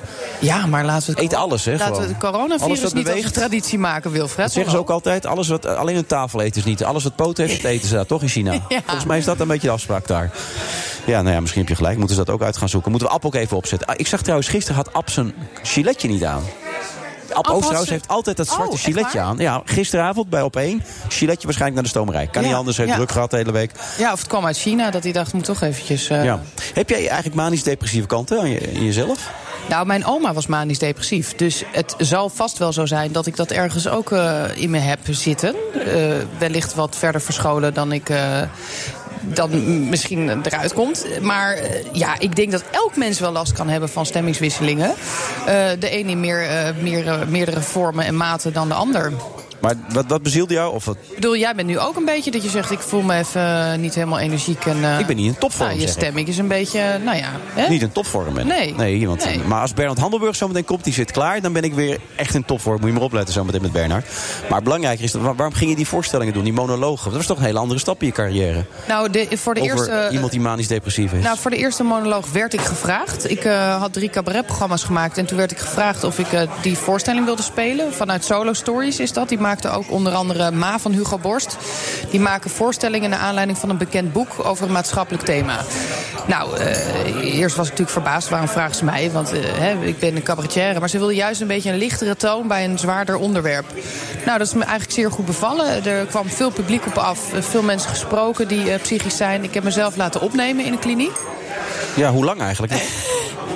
Volgens mijn omgeving niet lang genoeg. Maar eh, ja, dat gaat graag zien dat je nog een tijdje was ja, gebleven. d- ja, inderdaad. Nee, ik heb er 24 uur in doorgebracht. En dat ik kan je zeggen, dat was echt genoeg ook. Ik werd helemaal eh, naar daar. Ik vond het echt niet prettig. En ehm, nou, daarbij kwam ook dat, dat medepatiënten... die weten helemaal niet dat jij daar zit als actrice. Want die kan hun het nou een reet interesseren... dat, jij daar, eh, dat je daar onderzoek komt doen voor je voorstelling. Die hebben wel wat beters te doen. Dus op een gegeven moment zit je gewoon aan tafel met iemand... en dan vraag je, wat doe jij hier? En heel veel mensen ontkennen ook dat ze psychisch zijn. Dus Ja. dan staan ja, nee, eh, ik, heb, ik heb een huis nodig, die heb ik nog niet. En dat zat ik ook, ja, tuurlijk. Hè.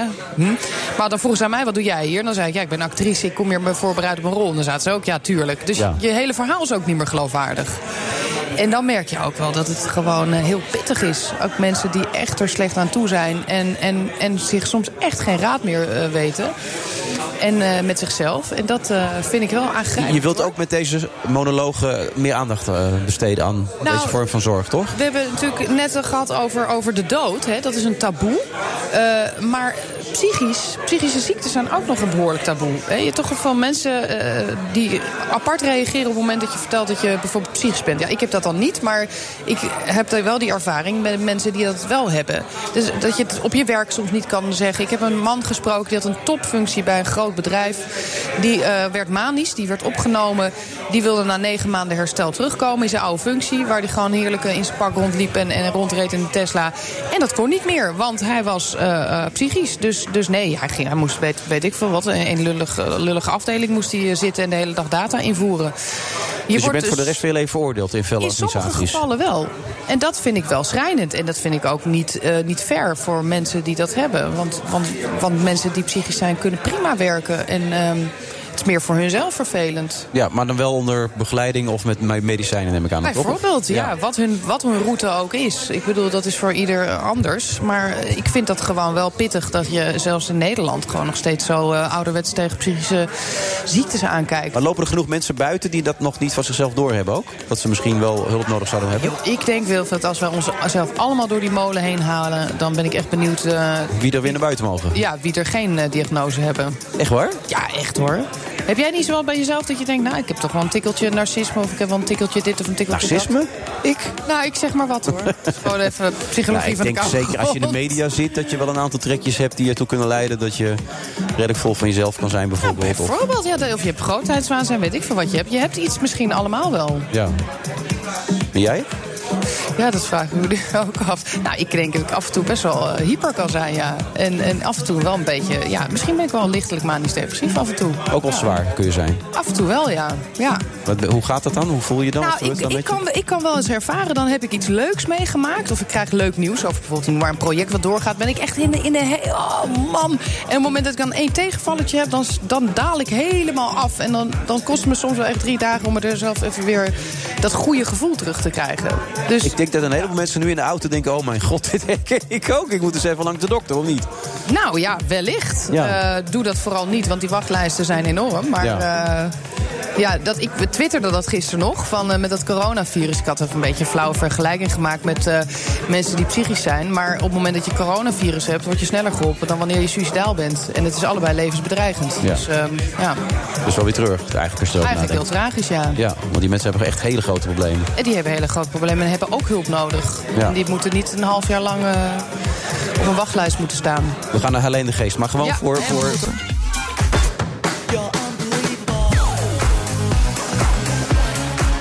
Zo, hij heeft een nieuwe gevonden. Ons eigen liedje Thomas Robson. Dat allemaal op vrijdag 28 februari. Inmiddels ook aangeschoven Bernard Handelburg. Ja! Oh, daar heeft niemand een koptelefoon op vandaag. Oh, gelukkig toch nog wel. Bernard, goed dat je er bent. Fijn dat te zijn, als altijd. Eh, jij maakt je ook geen zorgen, heb ik net gehoord, over het coronavirus. Gaan we les- lekker snel door. Eh Bente Bekker van de... Nou, nee, ik, ik, ik, wil, wel- en ik, ik vind het allemaal wel een ti- toefje hysterisch. Ja, ja. Je hebt al zoveel meegemaakt. Ik Nou nee, maar gewoon de manier waarop we allemaal doen. Dat is het, eh, al- al- de- het inspuiten van dingen, het sproeien op je handen... waarvan iedereen weet dat er geen zak helpt. Oh? Je houdt het er niet mee tegen. Iedere viroloog kan je dat uitleggen. Oh, die komt zo, hoor. Ja, nou, vraag Oh, het maar. nou, we, hebben, we hebben enorm zitten smeren. Maar die heeft gisteravond bij Opeen verteld... goed je handen wassen enzovoort. Ja, dat is wel heel belangrijk, maar dat is altijd belangrijk. Maar dat spul op je handen smeren is toch om je handen schoon te maken? Nee, Oh. helpt gewoon niet.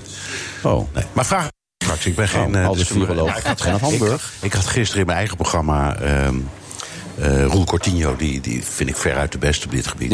En dat was wel geestig. Maar die konden wij niet krijgen. Dus. Nee, nee, maar, nee. maar bij... eh bij bij- in de studio staan ook allemaal die dingen met die kapjes. Ja, joh. allemaal Ja, sproeibuizen. goed, deze microfoons ook. Die zijn zo straks nog gebruikt door ja, iemand anders. Ja, ja, maar toen, ik zei dus tegen hem van... eh, is dat Onze nou producer roepen, hou hem goed tegen je kin aan. Is dat verstandig? Ja, ja dat, Gadverdamme. het is heel verstandig. Helpt het? Nou, nee, zei hij. Nee, dat is het hele probleem. Dat is ontzettend Het is leuk. Een soort placebo-effect. Daar ben, daar ben ik ook wel gevoelig voor. Oh, dat is een hele goede. Het is gewoon- Oké. Het is ook niet goed dat we allemaal in de stress raken, toch? Nee, tuurlijk. Dat is nog we hebben erger veel te dan dus. het bespreken, virus. Bernard. Want eh, wat vind je nou voor het voornemen van de Turken om, eh, om die grens gaan open te Ah, dat gooien? is, dat, dat is echt wat. Ze hebben nu gezegd, we doen het gewoon. Ja. Dus we laten alle nieuwe vluchtelingen... en dat zijn er bijna een miljoen misch- misschien. Ja, ik dacht meer zelfs nog. Ja, nee, daar zitten er 3,5 al miljoen. Maar er komen nu door die, d- door die afrekening in Idlib die nu plaatsvindt... er misschien nog wel een miljoen bij. En daarvan heeft Erdogan gezegd, ik kan het niet meer hebben... Ik zet de grens open, dus eh, samen lekker maar naar. Dus hij zegt in feite de Turkije-deal op. Ja. Dus in Bulgarije en in Hongarije hebben ze nu enorme versterkingen aangerukt aan de grenzen. Om als dat gebeurt, om het ook tegen te houden. Maar Kamerlid van de VVD, Bente Bekker, zegt... wij laten ons niet chanteren door Erdogan. Dus die, die is wel even geschrokken dat- waarschijnlijk. dat- Ja, natuurlijk. Maar als, als hij niet meer doet wat hij heeft beloofd, hebben we toch een probleem. En of je dat nou chantage noemt, of eh, je noemt het maar hoe je het noemen wil. maar handig is het in elk geval niet. Geert Wilders noemt Rutte een sukkel omdat hij hem vertrouwde, die Erdogan. ja, het zijn allemaal dingen die je kunt zeggen. Die, die deal is gesloten eh, omdat eh, op een bepaald moment de, o- de, de overtuiging begon de heers, te eh, overheersen dat je. eh, vluchtelingen in de eigen regio moest opvatten. Ze kwamen allemaal naar Griekenland, dat liep onder. Nou, nog En- steeds toch? Nog steeds. toch steeds en ze één kwamen grote naar ellende. Italië, ze kwamen naar Malta, ze kwamen naar Cyprus, ze kwamen naar allemaal. Logisch, dat ligt allemaal in die regio. En op een bepaald moment hebben we dus gezegd: Nou, weet je wat, we maken een procedure waardoor ze uiteindelijk terechtkomen in Turkije. En eh, Erdogan zegt: Ik kan het niet meer aan. Maar op de achtergrond speelt natuurlijk die oorlog die nu. Ja, want er waren oplaait. 33 Turkse soldaten omgekomen. Precies, toch, wat bij die er dus is aanval? gebeurd. Een tijdje geleden heeft ehm, eh, Trump gezegd... ik trek mijn troepen uit dat gebied terug, hè, zo rondom Idlib. Daardoor ontstond een vacuüm en daar zijn meteen de Turken ingetrokken. Waarom? Omdat in dat gebied... Behalve, het is een soort het afvalputje van die oorlog, is dat. Er zitten alle mogelijke mensen. eh, oud IS, eh, en gewoon maar mensen uit de omgeving. Alle mogelijke vluchtelingen.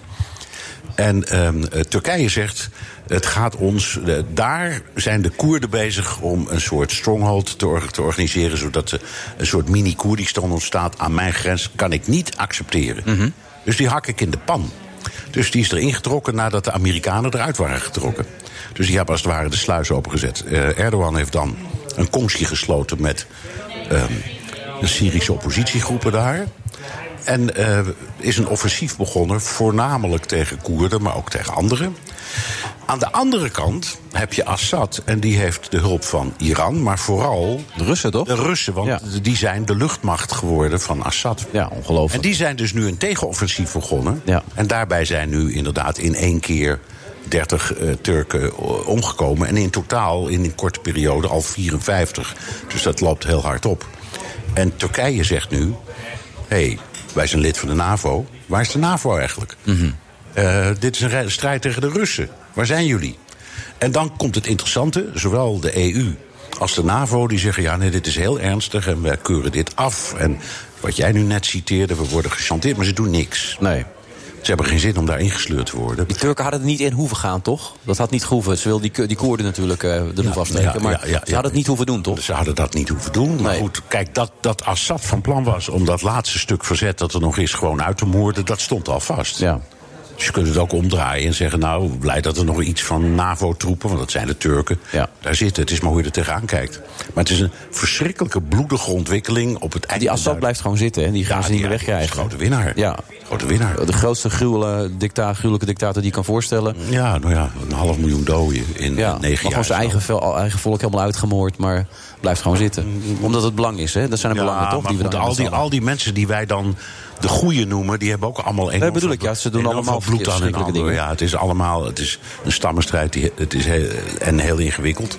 Maar ehm, het probleem nu is echt concreet voor de NAVO. Want ja, als een, het op één na grootste NAVO-lid, en dat is Turkije, een beroep doet op je, wat doe je dan?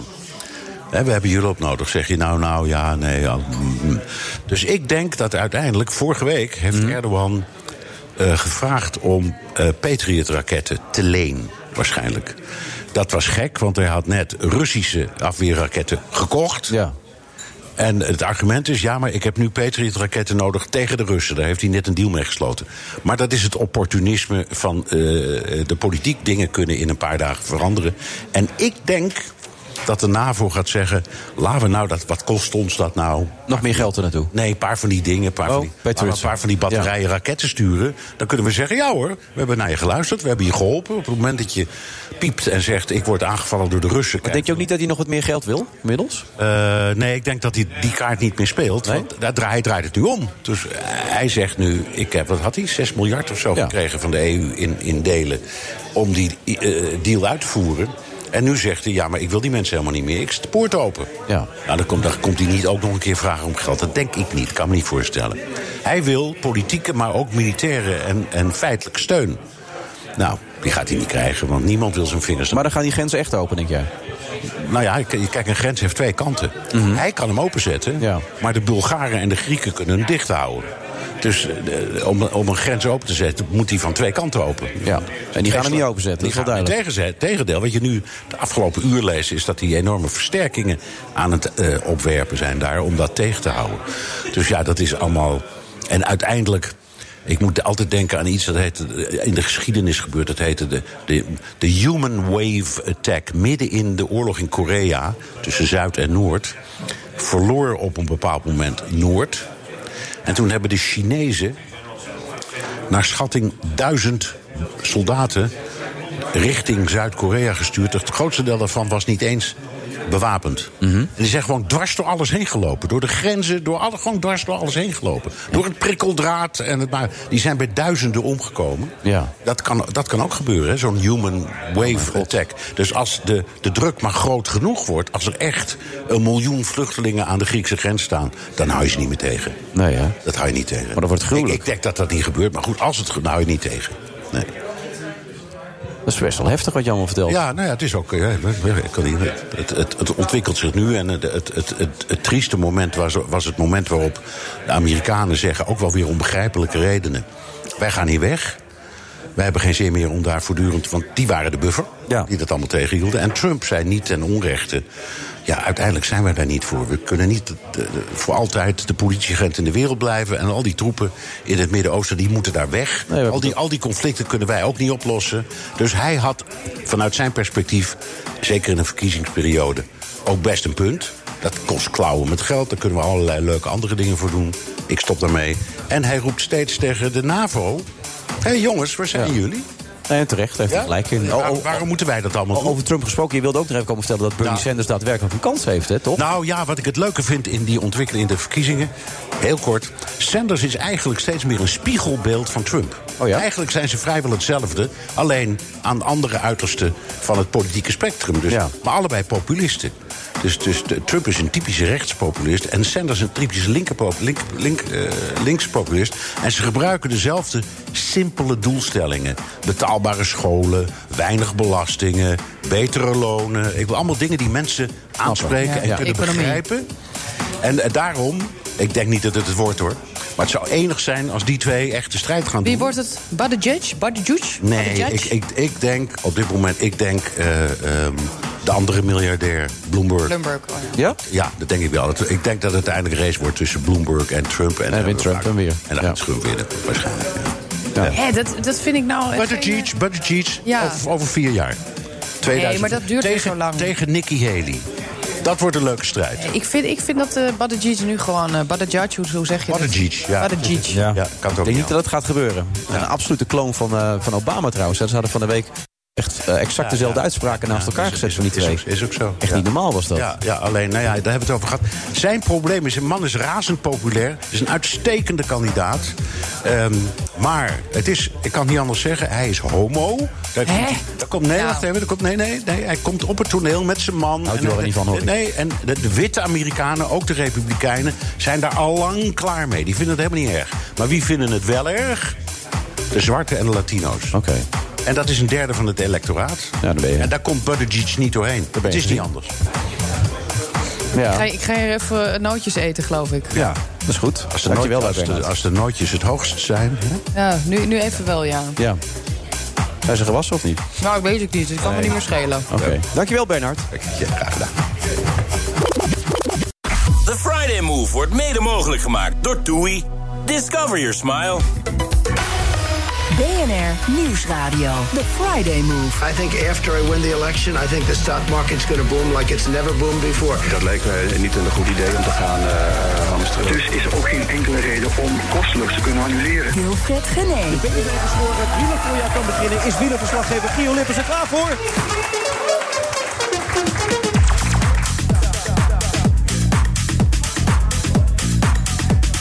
Razend enthousiaste menigte hier in de Skylands. Doubletree bij Hilton Hotel. De spontaniteit die spat er gewoon vanaf. En dat is ook fijn als je weet dat Jora Rienstra aanwezig is. Dat vinden ze fijn, Jora. Dat merk je. hè, dat Nou, je ik er bent. merk het. Wat een Ja. enthousiast publiek, zeg. Leuk, hè? Ja, kom lekker een keer in mijn zaal zitten en wees zo enthousiast. Eh, Is het vaak uitverkocht bij je? Goed, volgende vraag. Oh. Jora Rienstra hier aanwezig in de Skylounge. Oh, nou, daar blijft het weg, eh, het applaus en eh, het gejoel. Ja, ik verwacht eigenlijk dat hij nog even wat muziek erbij zou doen. nee, weet je hij, wel. eh, hij is een beetje met zichzelf bezig, volgens mij. Ja, hij is niet- je bent niet helemaal aanwezig, Thomas. Nee. Maar goed, het eh, maakt niet uit. Het, eh, we hebben er allemaal een beetje last van vandaag. We zijn niet allemaal even scherp. Gelukkig is Jora erbij. Jora, jij bent gek op wielrennen, heb ik gehoord. Nee, serieus. Ik vraag me echt elke keer. Mijn, mijn zwager probeert me elk jaar weer, weer mee te sleuren. Nou, om voor de tv te gaan zitten en dan wielrennen te gaan kijken. En Ja. het, ik, het, het lukt me gewoon niet. Je moet gewoon eens een keer naar Vlaanderen gaan, morgen of overmorgen bijvoorbeeld, en gewoon eens een keer aan de kant van de weg Oh, gaan dat is staan. echt wel Dan merk je bijzonder, pas echt wat er gebeurt met wielrennen. En op de tv, hartstikke leuk hoor, maar ik zou gewoon. gaan En wat kijken. gebeurt er daar in Vlaanderen? Lok me even daarheen. Ja, een volksfeest. Geen carnaval. Dat eh, gelukkig niet. Nog Maar net niet. Ja, het is, ze noemen het daar, als de Ronde van Vlaanderen er is... dat is trouwens over een maand. Dus Ja. als je dan gaat, dan ben je nog op tijd zat. eh, de Hoogmis. Dat is echt eh, het grootste feest wat Maar ze in Belgen zijn Vlaanderen misschien wel kunnen de meest wielergekke personen die je kan vinden, toch? Of? Ja, absoluut. Daar kunnen wij in Nederland echt, eh, ja, daar daar kunnen we echt niet tegenop. Hè. Ik bedoel, hier komen we wel op evenementen af. Hè. Als er Ja. een WK is, dan komen we allemaal een, een beetje Elfstedentocht idee. Eh, Als we kunnen feesten, dan gaat het om Gio. Precies, dat is Ja. het. En in België zijn ze er altijd. En feesten, dat beleven ze daar wat anders dan bij ons. Ja, maar ik ben zo'n sensatiekijker. Ik ben dan gewoon benieuwd vooral wanneer moet er iemand poepen... en wanneer gaat dat handje in die, in die broek... en wanneer, wanneer wordt het aan de, aan de zijkant weer eruit ge, Ja, uitgedaan. ja, maar dan moet je weer naar tv kijken, want de kans Ja, dat je dat aan dat de wil kant van ik dan de weg zien. meemaakt Dat vind ik is wel heel leuk. klein. Ja. Daarom is het wel goed dat destijds Dumoulin wel die ronde van Italië won. Hè? Dat hij dat uiteindelijk dan toch... Stel je toch eens voor, hè, dat hij door dat poepincident uiteindelijk de Ronde van Italië verloren had. Dat zou altijd aan zijn kont hebben gehangen. dan. Zeker, ja, letterlijk. En, en het wordt hem nu al altijd nagedragen. Dus kun je je voorstellen hoe dat toen was geweest. Ja, maar ik kan nu nog steeds zeggen, ja, maar ik heb hem wel gewonnen, vriendjes. Dus eh, hou lekker iemand. Gio Lippens, je, je 27e seizoen. Ja, ongelooflijk, hè? Heb nooit een moment gehad, even iets anders weer. Even, hè? Nee, eerlijk gezegd niet. Eh, ik- ik heb wel eens getwijfeld eh, of het wielrennen nog zo leuk is. Hè. Me- eh, In de Ja. jaren, eind jaren 90, 1998 met die doping Ries en al dat soort Christina, consorten. We Ja. hebben natuurlijk een hoop ellende gehad met Armstrong. ehm, maar op een of andere manier heb ik toch het spelletje altijd heel leuk gevonden. Weet je wat mensen ook met voetbal hebben? Ik bedoel, daar kan jij over meepraten. Eh, wat er ook verder gebeurt, of er nou een rotwedstrijd gespeeld wordt... zoals Getafe tegen Ajax. Nou ja, de commentator vond het een hele goeie gisteravond, had ik de indruk. Ja. Oh, echt? Oh. Ja, Koert Westerman, die bleef me roepen hoe goed Ajax speelde. en Niet hoe heel goed, erg eh, met hem eens, hoor. Nee, ik ook niet namelijk. Maar ik geloof dat, ik de enige, dat hij de enige was die eh, een goed Ajax Ja, had Ten gezien Hag was gisteravond. geloof ik zelfs een beetje ja, eh, ontdaan bijna... door de manier waarop ze speelden. Dat ze toch nog zo onbevangen probeerden te voetballen. Nou, hij Dat was wel zag ik heel ook niet tevreden helemaal. over de inzet, was hij dan weer. Maar goed, dat wielrennen blijft dan gewoon jouw ding, zeg maar. Ja, absoluut. Ik vind voetbal ook geweldig om naar te kijken. Maar, maar wielrennen, dat is echt wel de sport waar ik middenin zit. hè. Ik heb jaren geleden heb ik atletiek verslagen. Jarenlang Olympische Spelen. Ja, vond ik geweldig. Vond ik ook geweldig. toch wel. Maar het viel niet te combineren met wielrennen. En ja, als je dan kijkt in mijn hart, dan was dat toch echt... De keuze voor wielrennen was toen heel snel gemaakt. Ik heb jarenlang ook eh, de Tour de Jour en zo mogen maken. Maar het flikken en elkaar een beetje naaien enzovoort... dat is ook een belangrijk onderdeel Het is het natuurlijk. leven. hè? Ja. Het is gewoon een soort eh, ja, ja, een weer, weer eh, spiegeling van het leven. Eh, alles gebeurt er. Eh, winnen, verliezen. eh, eh, je flikt elkaar. eh, je wordt bedrogen. eh, je pakt weer eens een keer iemand terug. Ja, eh, Het is net het echte leven. Gerrit Kneteman had toch een deal gemaakt destijds met Francesco Moser bij het wereldkampioenschap? Ja, maar die deal was hij niet helemaal nagekomen. Nee, de heer hij zou Kneteman. toch niet gaan sprinten? Hij zou Hij hem zou laten niet winnen. sprinten. eh, hij zou meerijden aan het wiel van Moser op de Nürburgring in Duitsland. En op het moment dat het sprintje eraan kwam, dacht hij: Weet je wat, ik ga toch gewoon winnen. En als ik wereldkampioen word, wie praat er dan nog over? Ja, maar die Mozer wilde hem toch te lijf gaan daarna? die was woedend. Wat zou jij doen? Ja, nou ja. Maar goed, het is heel gek dat je met z'n tweeën ergens op een finish afrijdt... en dat je een deeltje maakt. Ja, maar dat, dat zit ook zo in het wielrennen. Hè. Er moeten afspraken gemaakt worden soms eh, om, om, om dingen tot een goed einde te laten komen. Maar het mooie vind ik dan toch dat ze elkaar dan weer een beetje bedriegen. Eigenlijk vind ik wielrennen wat dat betreft naast het boksen... Hm? de meest tot de verbeelding sprekende sport. Omdat boksen, daar zit ook eigenlijk alles... alle slechte kanten van het leven zitten daar ook in. Dat vind ik ook zo mooi. Eh, ga je er iets meer te- bij leven? We zien nu op dit moment Joram. Ik zit Nou, heel zie nu verbaasd te bij- kijken. Ja, ja, Ik zie de ogen echt Ja, helemaal Guido, jij zit ook al de hele tijd naar mij te kijken. Van, wordt ze al warm hiervoor? Maar echt totaal niet, nog steeds niet. Ah, Nee. ja, ik heb wel mijn best gedaan. Ja, je hebt wel je best gedaan. Ja. Maar ik, nee, nee, ik vind het echt... eh, Het woord corona is in deze uitzending al een aantal keer gevallen. Worden er gek van, maar toch blijkt het zo te zijn. Er zijn een aantal jongens, eh, wielrenners ook nu eh, even in quarantaine gezet. Ja, in begreep ik, Abu toch? Dhabi, in een Ja. hotel. Eh, is niet de slechtste plek om eh, te verblijven trouwens. Maar ja, als je je kamer niet af hotel mag, niet heb je er ik net ook niet zeggen, dat, zoveel aan. dat is toch helemaal niks, joh. Nee, als je daar twee weken moet blijven zitten... en ik heb al Dumoulin is toch op begrepen- Tenerife? Dat is toch ook geen pretje dan? Nee, maar dat zit hij vrijwillig. Dumoulin die gaat dan op trainingskamp bovenop de Tijden. Dat is de hoogste berg eh, in, eh, op Tenerife. Ja, maar eerst had je die zandstorm en nu heb je dat coronavirus daar. eh. Ah, je hebt een hele hoop ellende. En hij heeft daar paar last van parasieten in zijn darm. Want hoe, hoe serieus is dat? Nou, dat was serieus, maar het schijnt dat hij nu met antibiotica zodanig behandeld is... dat die parasiet verdwenen is. Ik moet het nog zien hoor, hoe het verder allemaal loopt. Want eh, ik, ik heb wel zoiets van, het is wel tegenslag op tegenslag. Hij heeft in juni vorig jaar heeft hij zijn laatste koers eh, gereden. In mei, eh, mei zelfs. Nee, juni toch. Eh, en daarna niks meer gereden. Ja, dan kun je trainen. Ze wat zullen je toch wil. geen kat in de zak hebben gekocht bij de Jumbo? Ik hoop het niet voor ze. Want dan Nee. zijn ze toch eh, 2,5, 3 miljoen euro kwijt per jaar aan een renner zeg maar, die het niet meer gaat leveren. Kijk, ik hoop nog steeds dat hij terugkomt. Maar ik maak me soms wel een beetje zorgen eh, over, over de tegenslagen die hem treffen. Iets te veel, zeg jij. Nou ja, we- het, het ga- kijk, tegenslag kun je niks aan doen. Eh, maar het is ook wel een piekeraar, heb ik soms wel eens het idee. Het is iemand die eh, misschien iets te veel nadenkt over eh het leven jongen als toch ook, wielrenner. Het is een Doornal? hartstikke slimme jongen. Ja. En soms is het wel handig als je dat niet bent. Als je topsport bedrijft, omdat je er met de oogkleppen voor moet gaan Maar wat rijden. is de houdbaarheidsdatum van sowieso van die wielrenners? Want als je dat vergelijkt met voetballers... Ja, die jaartje toch wel 36. ruim tien jaar toch eh, mee kunnen draaien. Ja, bij wielrenners is dat ook zo. Kijk, bij voetballers kun je wel op je 16e, 17e bij wijze van spreken. Kijk naar Grevenba- Gravenbarg hier eh, bij, bij Ajax. Ja, dat, die speelde ook een hele goede 17e. wedstrijd volgens Koert. Heb ik ook niet gezien, maar... Ja. Maar is Koert, was, was- die, was Eiting toch, die wel. was toch laatst heel erg bekritiseerd om zijn... Om zijn Nee, Koert is een wereldgroot. Een van de aardigste collega's die ik ken. Echt serieus Helemaal waar. mee eens. Ik ken Maar hem gisteren, gisteren was hij absoluut niet in vorm. Net zoals ik vandaag niet in vorm ben, was Koert gisteravond niet. Die riep de- de- hij riep ook dat Eiting een fantastische wedstrijd speelde. Hij zag fantastische aanvallen Misschien van was hij Ajax. manisch. eh, Hij, had, hij, hij riep er ook nog bij dat Ajax het makkelijk had kunnen redden. Nou, ik heb, het had 4-5-1 voor die gasten moeten worden in die wedstrijd. Drie keer tegen de paal en Dat lat. bedoel ik maar. Dus ja, dat- Hey, maar Eiting was ik het wel een beetje met hem eens. Ik Nou, vond Eiting maar niet wel fantastisch. fris spelen. Ja, maar dat- oké, Hij- terug naar die hij kon het wielrenners. elftal precies. De houdbaarheidsdatum van, eh, van Dumoulin, die eigenlijk in zijn beste jaren zit nu, toch? Nu Hij, zou moet, hij moeten- moet nu scoren. Ja. Ehm, dat heb ik ook wel eens een keer tegen hem gezegd. Toen hij twijfelde altijd over de Giro en de Tour. Hè, nadat hij de Giro al een keer gewonnen had. Vorig jaar was dat. En toen zei ik ook van ja, maar als je nu je kans niet grijpt, het momentum niet grijpt om in de Tour toe te slaan. Op een gegeven moment ben je te oud. Want kijk maar, Bernal eh, Ja. is eraan gekomen. Pogacar komt eraan. Ja. Ja. Het voelt toch een beetje als zo'n kruidcheck, hè? Die dan één keer Wimbledon wint. Maar en het daarna, enige nadeel wel, die Fransen, weet je wel, die stoppen er geen enkele tijdrit meer in. Die denken, ja, die gozer kan zo goed tijdrijden. Er zit helemaal niks in, hè, dit jaar zo'n beetje. Daar heb je niks aan. Dus de keuze, ja, eh, eh, hij heeft nu een beetje tegen Wil en Dank gewoon gekozen voor die Tour. Ik vind het trouwens wel heel sterk wat ze doen bij Jumbo, hè, de ploeg van hem. Ik, ik leg het gewoon meteen allemaal uit, want dan begrijpt de luisteraar het ook. Ja, en ik, als ik het En jij, begrijp, Chris, begrijpt de dan luisteraar het luisteraar zeker. het ook. Ehm, ik vind het wel heel sterk dat ze met drie kopmannen voor die Tour gaan. Een beetje op zijn Sky's, hè, zoals dat vroeger was. Met Sky, met eh, Froome eh, en, eh, en Thomas en eh, Bernal.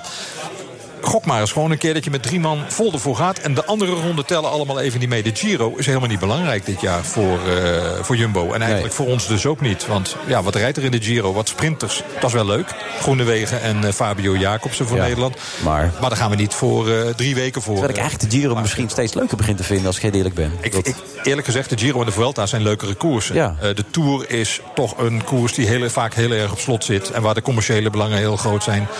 Eh, megalomaan, het is mega groot. Eh, Ook voor ons, voor volgers, is een Tour veel minder leuk om te doen dan een Giro of een Vuelta. Maar ja, de Tour is wel de belangrijkste wedstrijd van het jaar. Dus iedereen wil daar gewoon goed zijn. En nu in het voorzon, ik, ik zei net even coronavirus. Kan het zo zijn dat in Italië een aantal van die koersen niet doorgaan? Want ze nu Tirreno Adriatico Ik geloof denk het wel, ja. Want de hele organisatie van de Tirreno en van Milaan Sanremo... dat is de RCS, dat is een organisatie in Italië... die zitten allemaal vast in dat hotel in Abu Dhabi. Oh. Als die er voor zondag niet terug kunnen rijden, eh, vliegen bedoel ik... Ja. wat, wat moeten ze dan doen met die koers? Even los van het feit dat het misschien niet verantwoord is... om een peloton door dat deel van Italië te sturen, hoewel... Tirreno Adriatico, die komen net niet in de buurt van Lombardije. Ja, maar je zal net zo'n toeschouwer hebben die... Of zo. Ja. Aan de andere Zo. kant, het is ook, ook wel weer een hele hoop paniek. Hè? Ja, Ik- of eh, als je dan die flesjes ook ziet, die ze dan even pakken, weet je. Ah, Ja, ja, ja, de niet. kans, de kans Maar die jongens zijn wel iets vatbaarder natuurlijk. Hè? Als je zo afgetraind bent, dat is het, hele dat is het verhaal. gevaar natuurlijk Kijk, een beetje. Mathieu van der Poel, hè, die zou een van de favorieten zijn voor de omloop het nieuwsblad. Hè, de wedstrijd die morgen is. Ja, die is ziek geworden, heeft griep gekregen, hoge koorts. Oeh, die jongens hoesten leven ook, dus hoesten echt ook. hoesten. Maar die jongens die leven natuurlijk echt op het randje. Ja. Nou ja, ik, ik denk dan meteen ook van corona, maar dat was het dus niet. Het was gewoon griep, zeiden ze. Oké, maar wat- wat je zegt, die kunnen niks hebben, die jongens. Hè? Die is altijd heel spannend. Topsporter leeft altijd op het randje. En Gaat een als- mooi Nederlands jaar tegemoet, eh, Gio? Gio? Ja, ja, ja. Ik, ik, ik denk het wel, eerlijk gezegd. Want we hebben veel goede renners op dit moment. Nicky Terpstra ben ik morgen bijvoorbeeld heel benieuwd naar. Ik ben ook heel benieuwd wat er eh, ja, in, in, in de loop van dit jaar gaat gebeuren. In de grote klassiekers. Als Van der Poel weer terug is, ja, dan verwacht ik daar heel veel van. Maar met name Parijs-Roubaix, Ronde van Vlaanderen. Ja. Dat zijn toch echt wel de koersen. Waar heb jij nou niks mee in het leven? Heel weinig. Nee, Hè? echt ik wou serieus. zeggen, Ik anders ben- kan ik ik jou de ben heel volgende keer erg warm geïnteresseerd maken in voor veel eh, dingen. datgene waar jij dan niks mee hebt. eh. Kom een keer kijken bij je. Ja, heb je er niks mee? Nee, dat weet ik niet. Een monoloog over depressiviteit. Dat vind ik een leuke uitdaging Dat vind ik dus namelijk. een echte leuke. Ja. Ga je vaak naar theater dan, eh, Gio? Dat wel, ja. Ja? Oh, toch? Best wel. Ja. Maar cabaret dan? Eh, toevo- ja, Bert Visser heb ik al eh, geboekt, eh, maar die komt in april. Oh, nou dan kan je deze manische monoloog zeker Dus dan kan aan. ik dat- Want, eh, Zijn er veel leuke, grappige vrouwen eigenlijk? dat vind ik heel leuk. Maar dat wordt wel eens. Dat wordt, nee, nog een veel lastiger vraag. Zijn er goede vrouwelijke sportcommentatoren? Wordt ook wel eens gevraagd. Ja, maar mijn vraag was ook. Ja, het begin van de uitzending. Ik zeg bij die sportcommentatoren ook altijd. Jawel, tuurlijk zijn ze er. Maar ze moeten wel de kans krijgen. Ja, alleen die Dat mannen denk moeten ik er dus niet steeds doorheen praten. Dat is altijd zo vervelend. met- Maar dat denk ik dus bij cabaretiers ook. Ik bedoel, Ja. Ik denk tuurlijk dat er heel veel zijn leuke vrouwelijke cabaretiers zijn. Ja, dat denk ik Die wel. krijgen geen kans.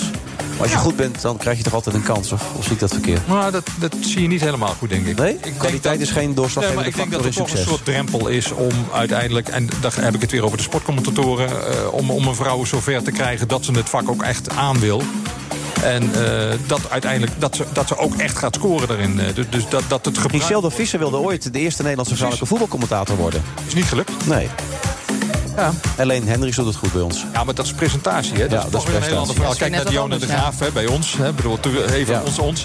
Nee, maar dat zijn wel twee topvrouwen die absoluut... eh, mag ik dat zeggen? Hun mannetje staan. Dat klinkt wel heel erg. Ja, dat klinkt nou een beetje gek. Mag ik dat zeggen? Je snapt wel wat ik bedoel. Klinkt een beetje 1912. Ja, eh, precies. Het wordt, het wordt een mooi wielerjaar, Gio. Dat mogen we stellen. denk ik zeker. Laten we daarvan uitgaan. Gio Lippens, hartelijk bedankt. Al dus eh, ja, leed de geest. En wij zitten nog steeds in de Skylands. Doubletree bij Hilton Hotel. Gio Lippens heeft zijn stoel afgestaan. Inmiddels is aan- Ab Oosthuis aangeschoven, viroloog. Meneer Oosthuis, ik mag Ab zeggen altijd, hè? Ab, ja, Ab kan gewoon. Het viel me op, gisteren ook al niet. Het giletje is definitief voorbij, hè? Nee hoor, ik heb het nog wel, maar ik ben iets zwaarder geworden. Dus Oh, dus giletje past niet op dit moment. Oké, nee, want dat was wel uw handelsmerk. Jawel. Ja, ik vond het goed staan altijd, dat giletje. Heel veel mensen weten dat ook in ons vakgebied. eh Ab Oosthuis, giletje. U heeft iets in de mond, of niet? Kan ik u wel een vraag stellen? ja. nootjes zijn goed hier, hè? Ja, ja, Ja, maar, maar Ab, kunnen we, die, kunnen we die nootjes wel eten? Want, want we zijn natuurlijk allemaal heel erg alert nu op dat virus. En eh, dat, die nootjes hebben in allerlei handen gezeten natuurlijk net. Ik heb een bakje net gezocht waar nog niemand iets uitgegeven Ja, even een beetje, want de, de microfoons zijn een beetje in quarantaine. In die zin dat je dan de, de luchttoevoer is alleen maar hier als je erin praat. eh.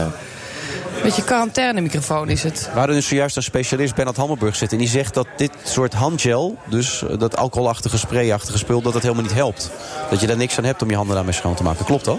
Nou, je moet ze eigenlijk eerst wassen en dan die spray eroverheen doen. Dan helpt het wel. Je moet ze altijd wel eerst wassen, anders heeft dit helemaal geen nut. Nou, het heeft wel, wel, wel wat nut, maar je moet ze eigenlijk toch eerst wassen. Wat mij gisteravond ook weer opviel bij op 1, u bent zo rustig. Rustig, ja. Ja, u maakt niet de indruk dat we in paniek hoeven te raken. We moeten ook absoluut niet in paniek raken. We moeten de juiste maatregelen treffen en, eh, en dat gebeurt voor een deel. ja. Maar ik las nu net weer op, ja dat zal Telegraaf dan zijn misschien dat dat meespeelt, hè, of niet? Dat een eh, grote epidemie op, op, op de loer ligt op dit moment. Maar dat zegt u dus niet.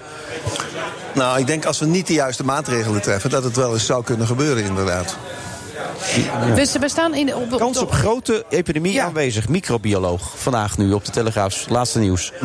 Maar, u dus- ze- maar we zijn ook op, in de top drie van best voorbereide landen. Hoe zit dat? Waarom zijn wij zo goed voorbereid ten opzichte van andere landen? Ja, die top 3 moet je een beetje mee uitkijken. Want het hangt een beetje af van de criteria die je daar gebruikt. Ja, dus als we kijken naar wetensch- geld voor wetenschap. Dat is inderdaad, is Amerika is nummer 1. Echt, en Nederland doet dat daar ook niet zo slecht. Maar als je kijkt naar zeg maar, zorg, dan, is, dan staat Nederland wel hoger dan Amerika bijvoorbeeld. Oh, maar dat is gewoon een, gro- een soort gewoon globale inschatting. Dat gaat niet specifiek nu over, de- over dat Maar coronavirus. het gaat over de bereidheid. Maar bij de bereidheid hoort natuurlijk ook hoe ga je met patiënten om. En, Oh. en Amerika staat er op nummer 1. En dan denk ik toch, ja, als je kijkt hoe wij in Nederland of in Europa meer in zijn algemeenheid met patiënten omgaan.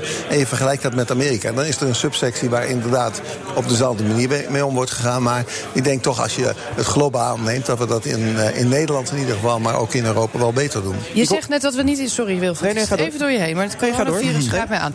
Je zegt net, we moeten niet in paniek raken. Maar is het niet ook een beetje des mensen om wel in paniek te raken... en daar ook een beetje van te genieten? Nee. Ik denk dat, eh, dat paniek altijd Om fout elkaar is. op te jutten en, en allemaal ermee bezig te zijn. Wij nu ook. Wij zitten eigenlijk toch al... Het is een beetje een rode draad van alles deze wordt- uitzending. Ik lees nu weer dat in Limburg, Limburg allemaal evenementen worden afgelast. We hebben het zojuist over, over het voorjaar klassiekers gehad in Italië.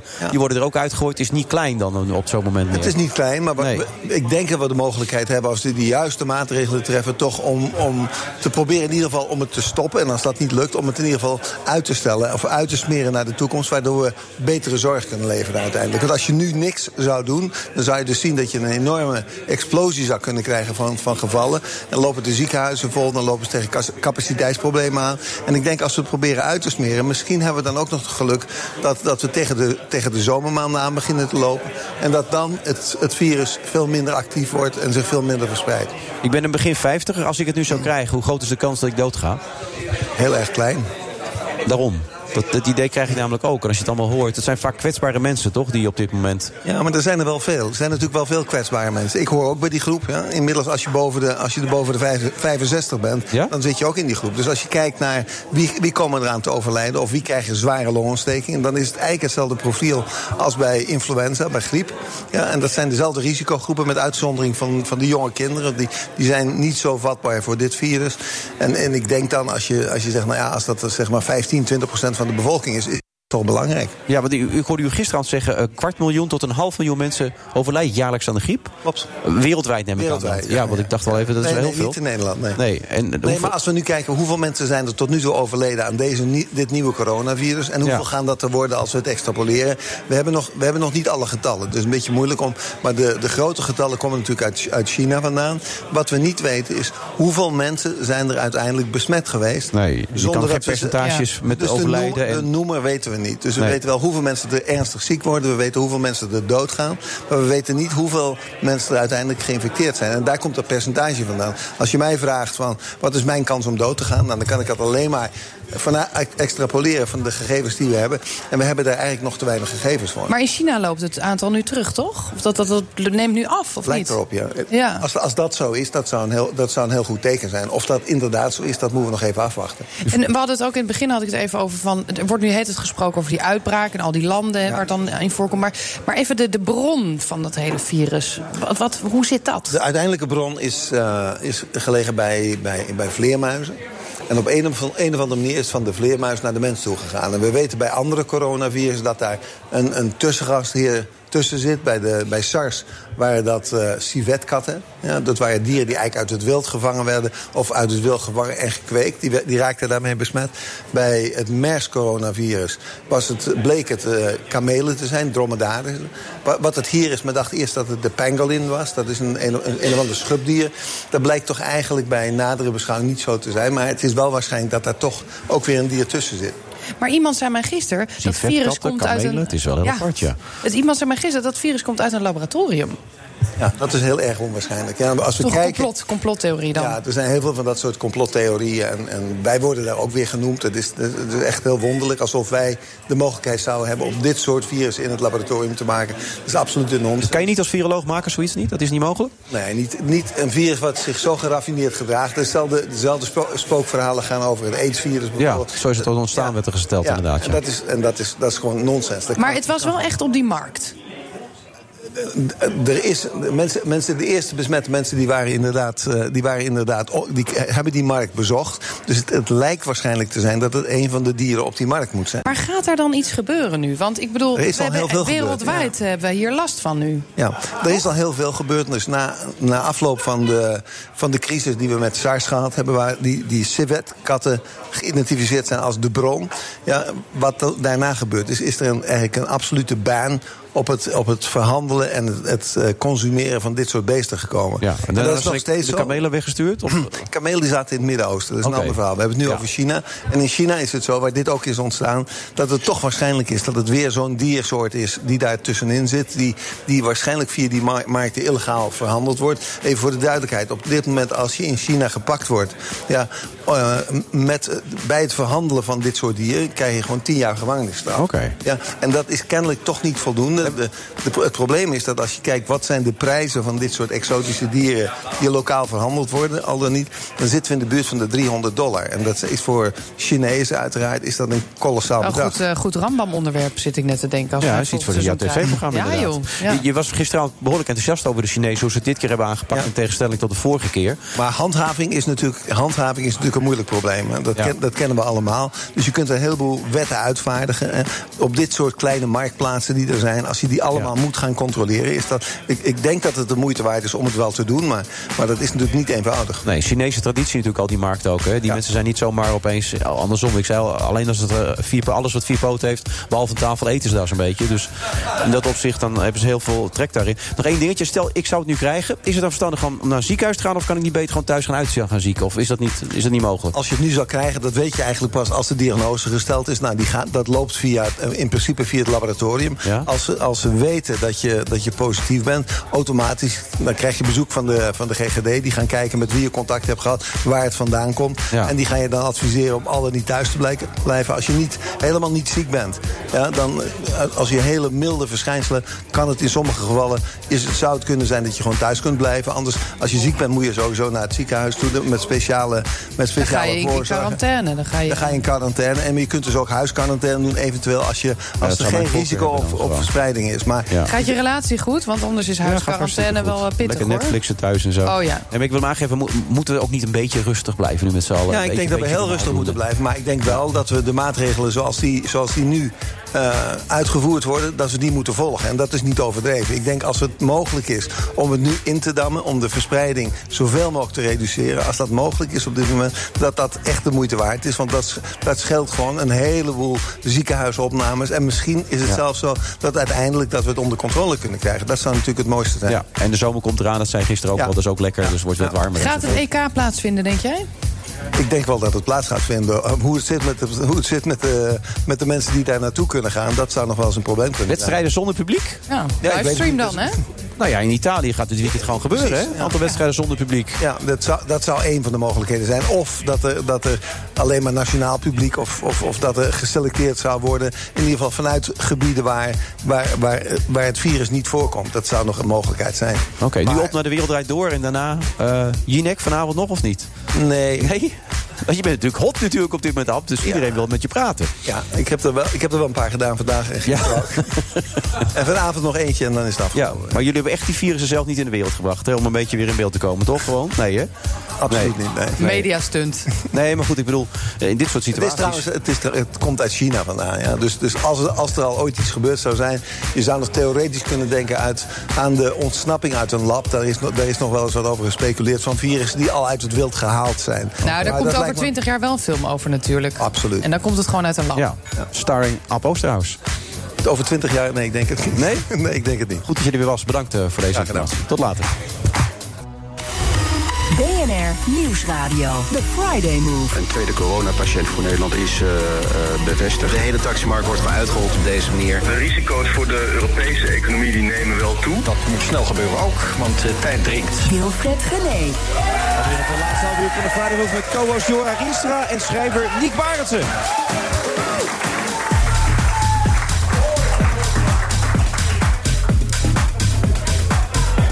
Slaag de weg kwijt hier de mensen in de Skylands. Dobbeltje bij Hilton Hotel. Je kan nog langskomen, maar dan moet je echt snel zijn. Maar je merkt, het is werkelijk razend gezellig hier. Toch, Jora? Ja, ik vind dat je ze goed hebt eh, afgericht, dat, eh, de mensen die hier zitten. Nee, dat hoor. doe ik niet. Dat doet Paul. Dat is onze producer. Ja, maar Die jij wordt daar zit speciaal... speciaal af en toe even... Jij zat net ook volgens mij daar een beetje te heb ze geld kletsen. gegeven. Ja, dat zo, zo zag het eruit, ja. geld gegeven. Ja, zeker weten.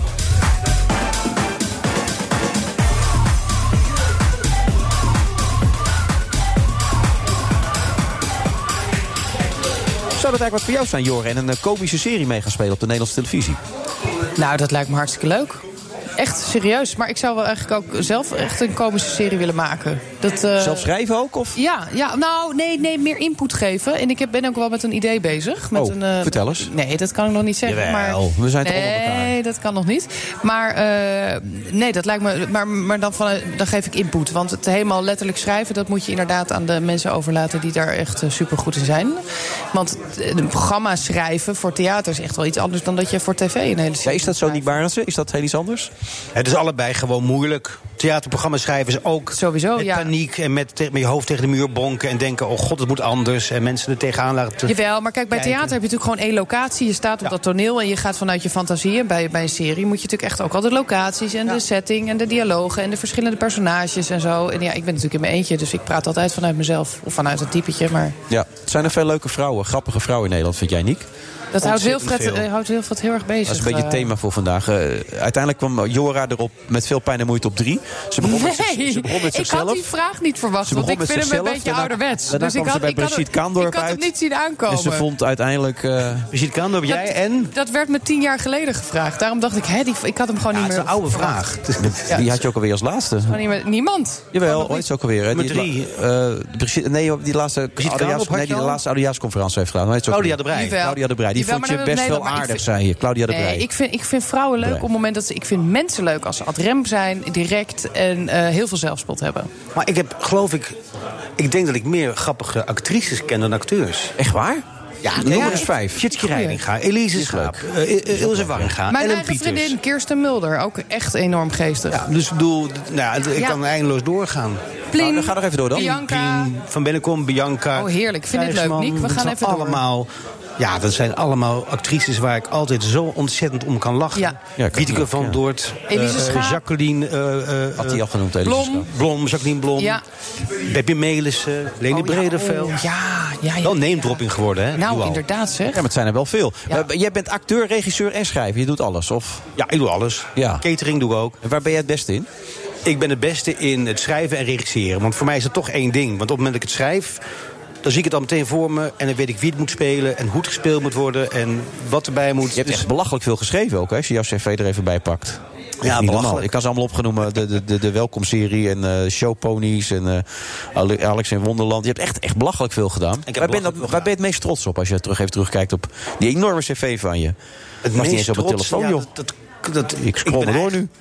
Ik ben nog niet eigenlijk heel erg uitgescrolld. trots op, op deze die nu gaat ben ik komen, er. omdat het nieuw is en iets helemaal nieuw. Ja, want wat is er zo nieuw aan dan? Nieuwzeer? Eh, nou, ik heb natuurlijk heel veel welkomseries gedaan... wat, wat voor jongeren is, nou, voor familie, voor jong en oud. En dit is iets wat ik al heel lang wil. Gewoon een programma wat, wat, wat echt... Of was die welkomserie met Hitler en zo? Was dat, Met Hitler. Dat was van, ja, oh ja, dat, dat weet ik het weer. Mijn kinderen vinden het heel grappig, ja. Ja. Ja.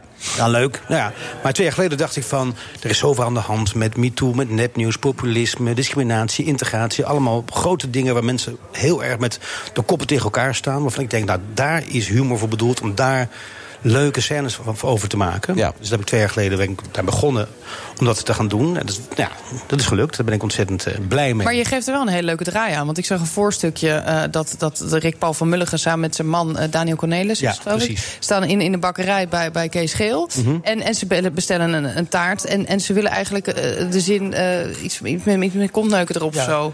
Richard en Kai gaan kontneuken. Ja. Dat willen ze op de taart Ja. hebben staan. En dan is de verbazing dat die, dat, die, dat die bakker natuurlijk niet reageert met dat hij dat erg vindt. Maar zegt van, eh, dat, dat, is goed. Ik, weet niet of dat op die taart gaat passen qua hoeveelheid letters. Precies, zij zijn op zoek naar homofobie en Ja. zijn heel erg teleurgesteld dat ze die niet vinden. Overigens is het gebaseerd op een echt gebeurde rechtszaak in Amerika, waar twee mannen een banketbakker eh, via het Hoge Rechtshof dwongen om voor hun een taart te bakken. En vond ik het zo ontzettend grappig dat ik dacht van ja, dat hoef je alleen maar iets te overdrijven. Je hebt een hele leuke scène. Maar dat is wat mensen niet gaan verwachten. Hè? Want je verwacht vaak, oké, dan komt er een homostel komt in zo'n bakkerij. En natuurlijk gaat die bakker moeilijk doen, want die is homofoob. Dus jij geeft er echt wel een hele, hele ja, nieuwe, nieuwe draai eigenlijk aan, toch?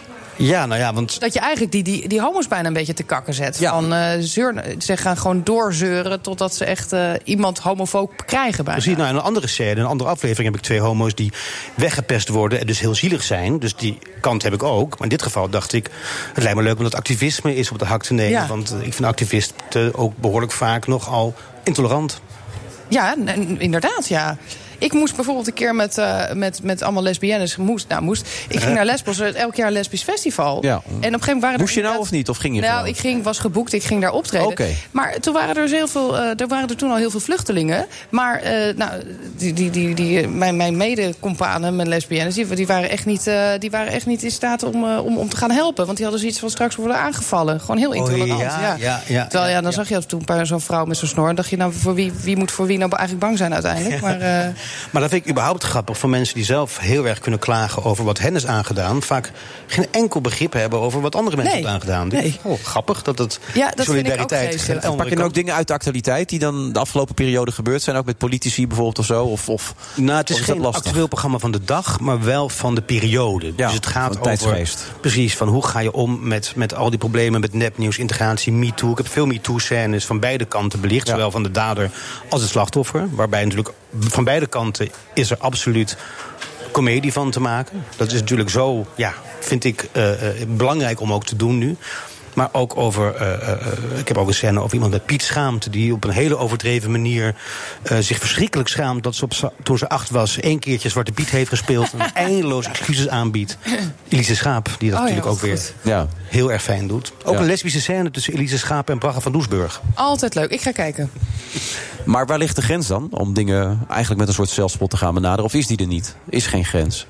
Ja, dat is zo moeilijk wat de grens is. Ik denk altijd, je mag alles als je Nee, het maar goed omdat- doet. Je, je, je geeft heel duidelijk aan dat je eigenlijk de zelfspot een beetje terug wil brengen in de maatschappij. En die is er een beetje uitgegaan, toch? Met z'n allen. Ja. Alles wordt wel heel serieus genomen. Mensen zijn heel snel boos, kunnen niet meer lachen. Ja, dat vind ik ook, ja. Maar is daarin dan nog een grens dat je iets zo belachelijk kan maken... terwijl het voor heel veel mensen gevoelig ligt dat het daardoor niet meer kan? Of, Ja, maar of wat ik bestaat doe is dat niet nooit, meer? het is nooit journalistiek. Ik heb nooit dat ik ergens op schiet van dat is belachelijk. Ik probeer alleen maar te laten zien hoe, hoe tragicomisch het gewone leven is voor Het zijn mensen. ludieke scènes over Ja. de tijdsgeest eigenlijk. En ook hoe mensen soms heel erg proberen om, om het goede te doen. Ja. Wat dan gierend misgaat. Omdat ze dan precies de verkeerde dingen zeggen. Dus dat is niet eens heel erg. eh, Heel erg gemeen of naar, maar meer gewoon herkenbaar. Ik bedoel, i- iedereen zit vol met allemaal vooringenomenheden en met problemen van hoe goed moet je, moet je zijn, hoe goed moet je omgaan met elkaar. Nou, dat, is, dat vind ik grappig om dat tegen het licht te hangen. Ja, TBS is natuurlijk ook een thema van, eh, van deze tijd. Waar we die nog wel eens willen ontsnappen. Hebben we allemaal een heel duidelijk oordeel over. Frank Lammers is aanstaande zondag, begrijp ik, een levensgevaarlijke TBS. Levensgevaarlijk. Ja? En Kun je daar iets over vertellen of mag je daar nog niet te veel van weggeven? Anders is het... Nou ja, het komt erop neer dat Frank Lammers een, een doodenge levensgevaarlijke TBS-serie is... waarvan je denkt, laat hem nou alsjeblieft niet gaan. Mm. En wat doen ze? Ze overleggen met z'n drieën van, nou jawel, we kijken het even Die aan. kan wel, Laten we eh, maar, laten we maar gaan. dat is Die bijna kan de op verlof. werkelijkheid dit. Dat is bijna de werkelijkheid, maar dan zo overtrokken.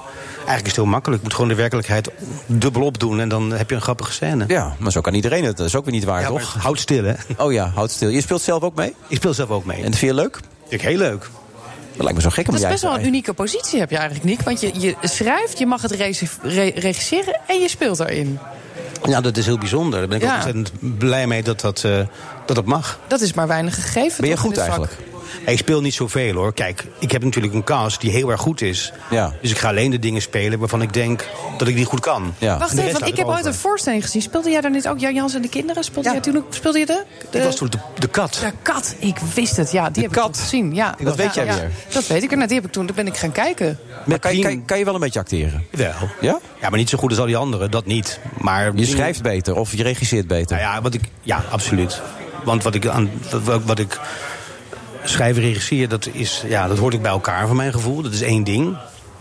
En, eh, eh, en, en, en ik speel de dingen waarvan ik denk, daar kom ik prima mee weg. Toch een beetje de Nederlandse Quentin Tarantino, toch? Die komt toch ook altijd voorbij in zijn eigen films, eventjes kort? Hitchcock deed dat ook altijd. Oh, Hitchcock ook. Nou, moet je nagaan.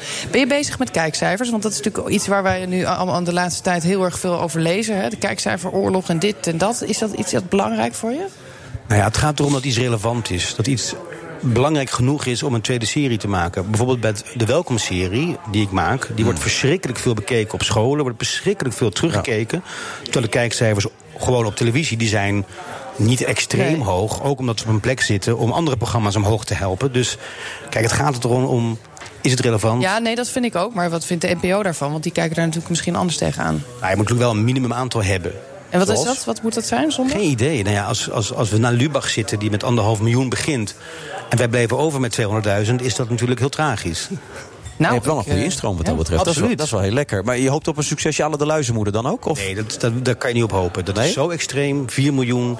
Dat is echt, eh, dat, dat is zo uniek in de hele geschiedenis van de Maar je hoopt niet stiekem, omdat Ilse Waringa er ook in zit... dat die ook nog wat kijkers trekt extra... omdat je weet dat zij dat succes mede heeft veroorzaakt destijds. Ja, maar Ilse is belangrijker dan...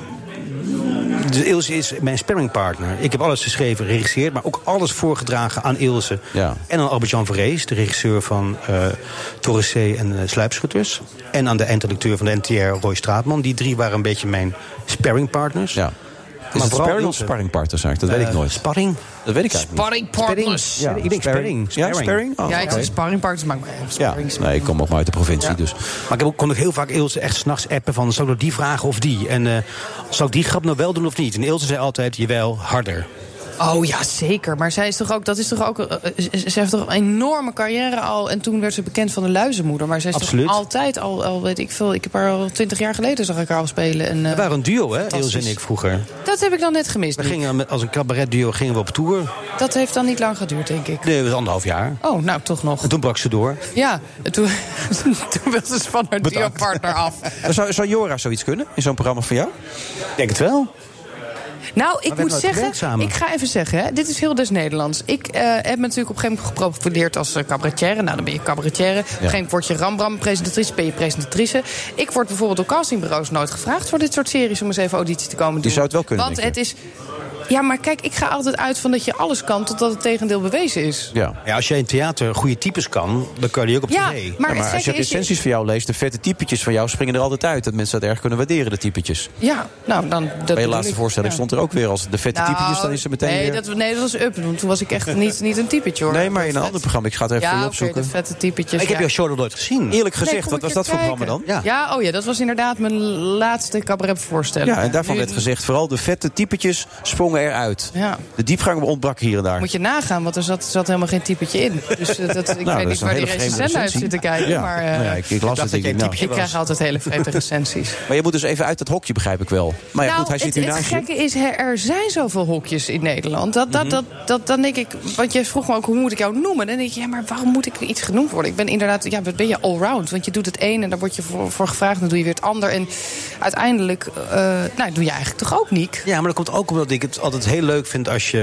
Nou, ik vind het schrijven vind ik heerlijk. In mijn eentje ergens induiken. Maar dat is ook eenzaam. Ja, dus dan zeker. snak ik naar regisseren of spelen. Maar Ja. als je dan maandenlang met allemaal mensen om je heen bent geweest... dan snak je ook wel weer naar die Ja. eenzaamheid. Dus Die, die, die afwisseling is zo lekker, ja, vind ik. Ja.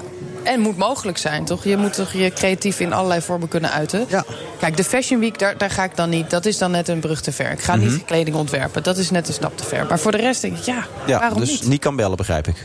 Altijd. Maar ik wil kijken.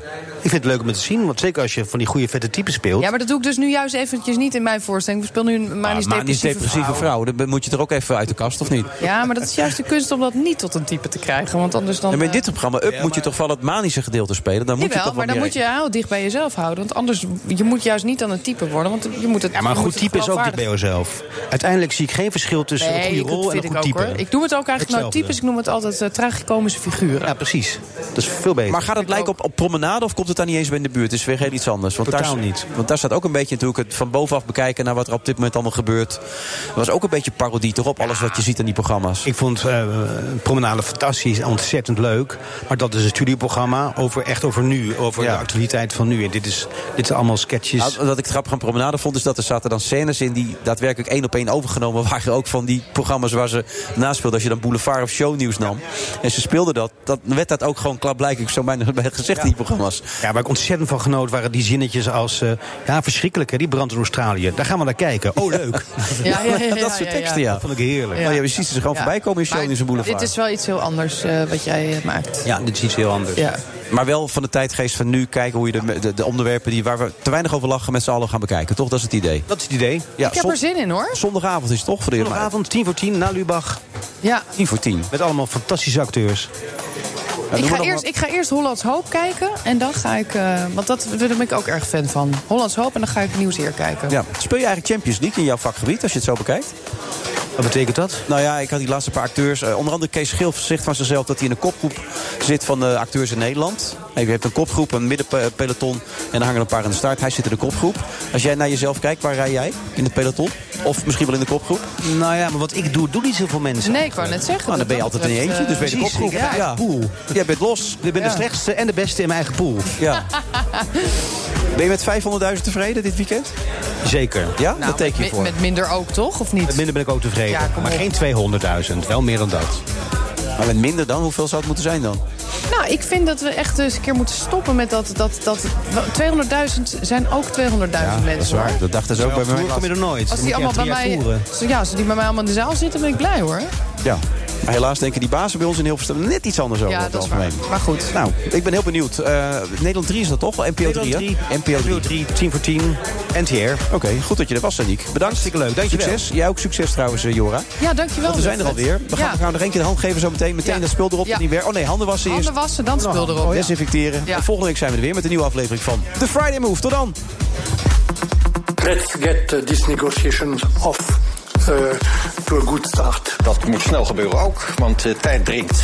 Dat heeft allemaal te maken met die eerste besmetting van het nieuwe coronavirus in Nederland. Werd allemaal vanavond bekend. De hele taximarkt wordt gewoon uitgehold op deze manier. En Is it worth it? Like that question that I that I wrote in this essay, like is it worth it? Dus is er ook geen enkele reden om kosteloos te kunnen annuleren. Daarvan is er voor de duidelijkheid nog geen één positief gebleken.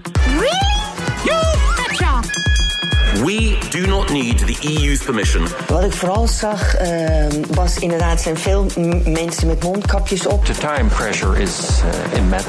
Dus het is om, om verschillende redenen belangrijk. Voor de landbouw zelf, maar ook voor de omliggende landschap en natuur. Voorlopig wordt ze geadviseerd om in een hotelkamer te blijven. Nou, wat je dan te zien krijgt is een, website. Die zeggen je kan prima reizen.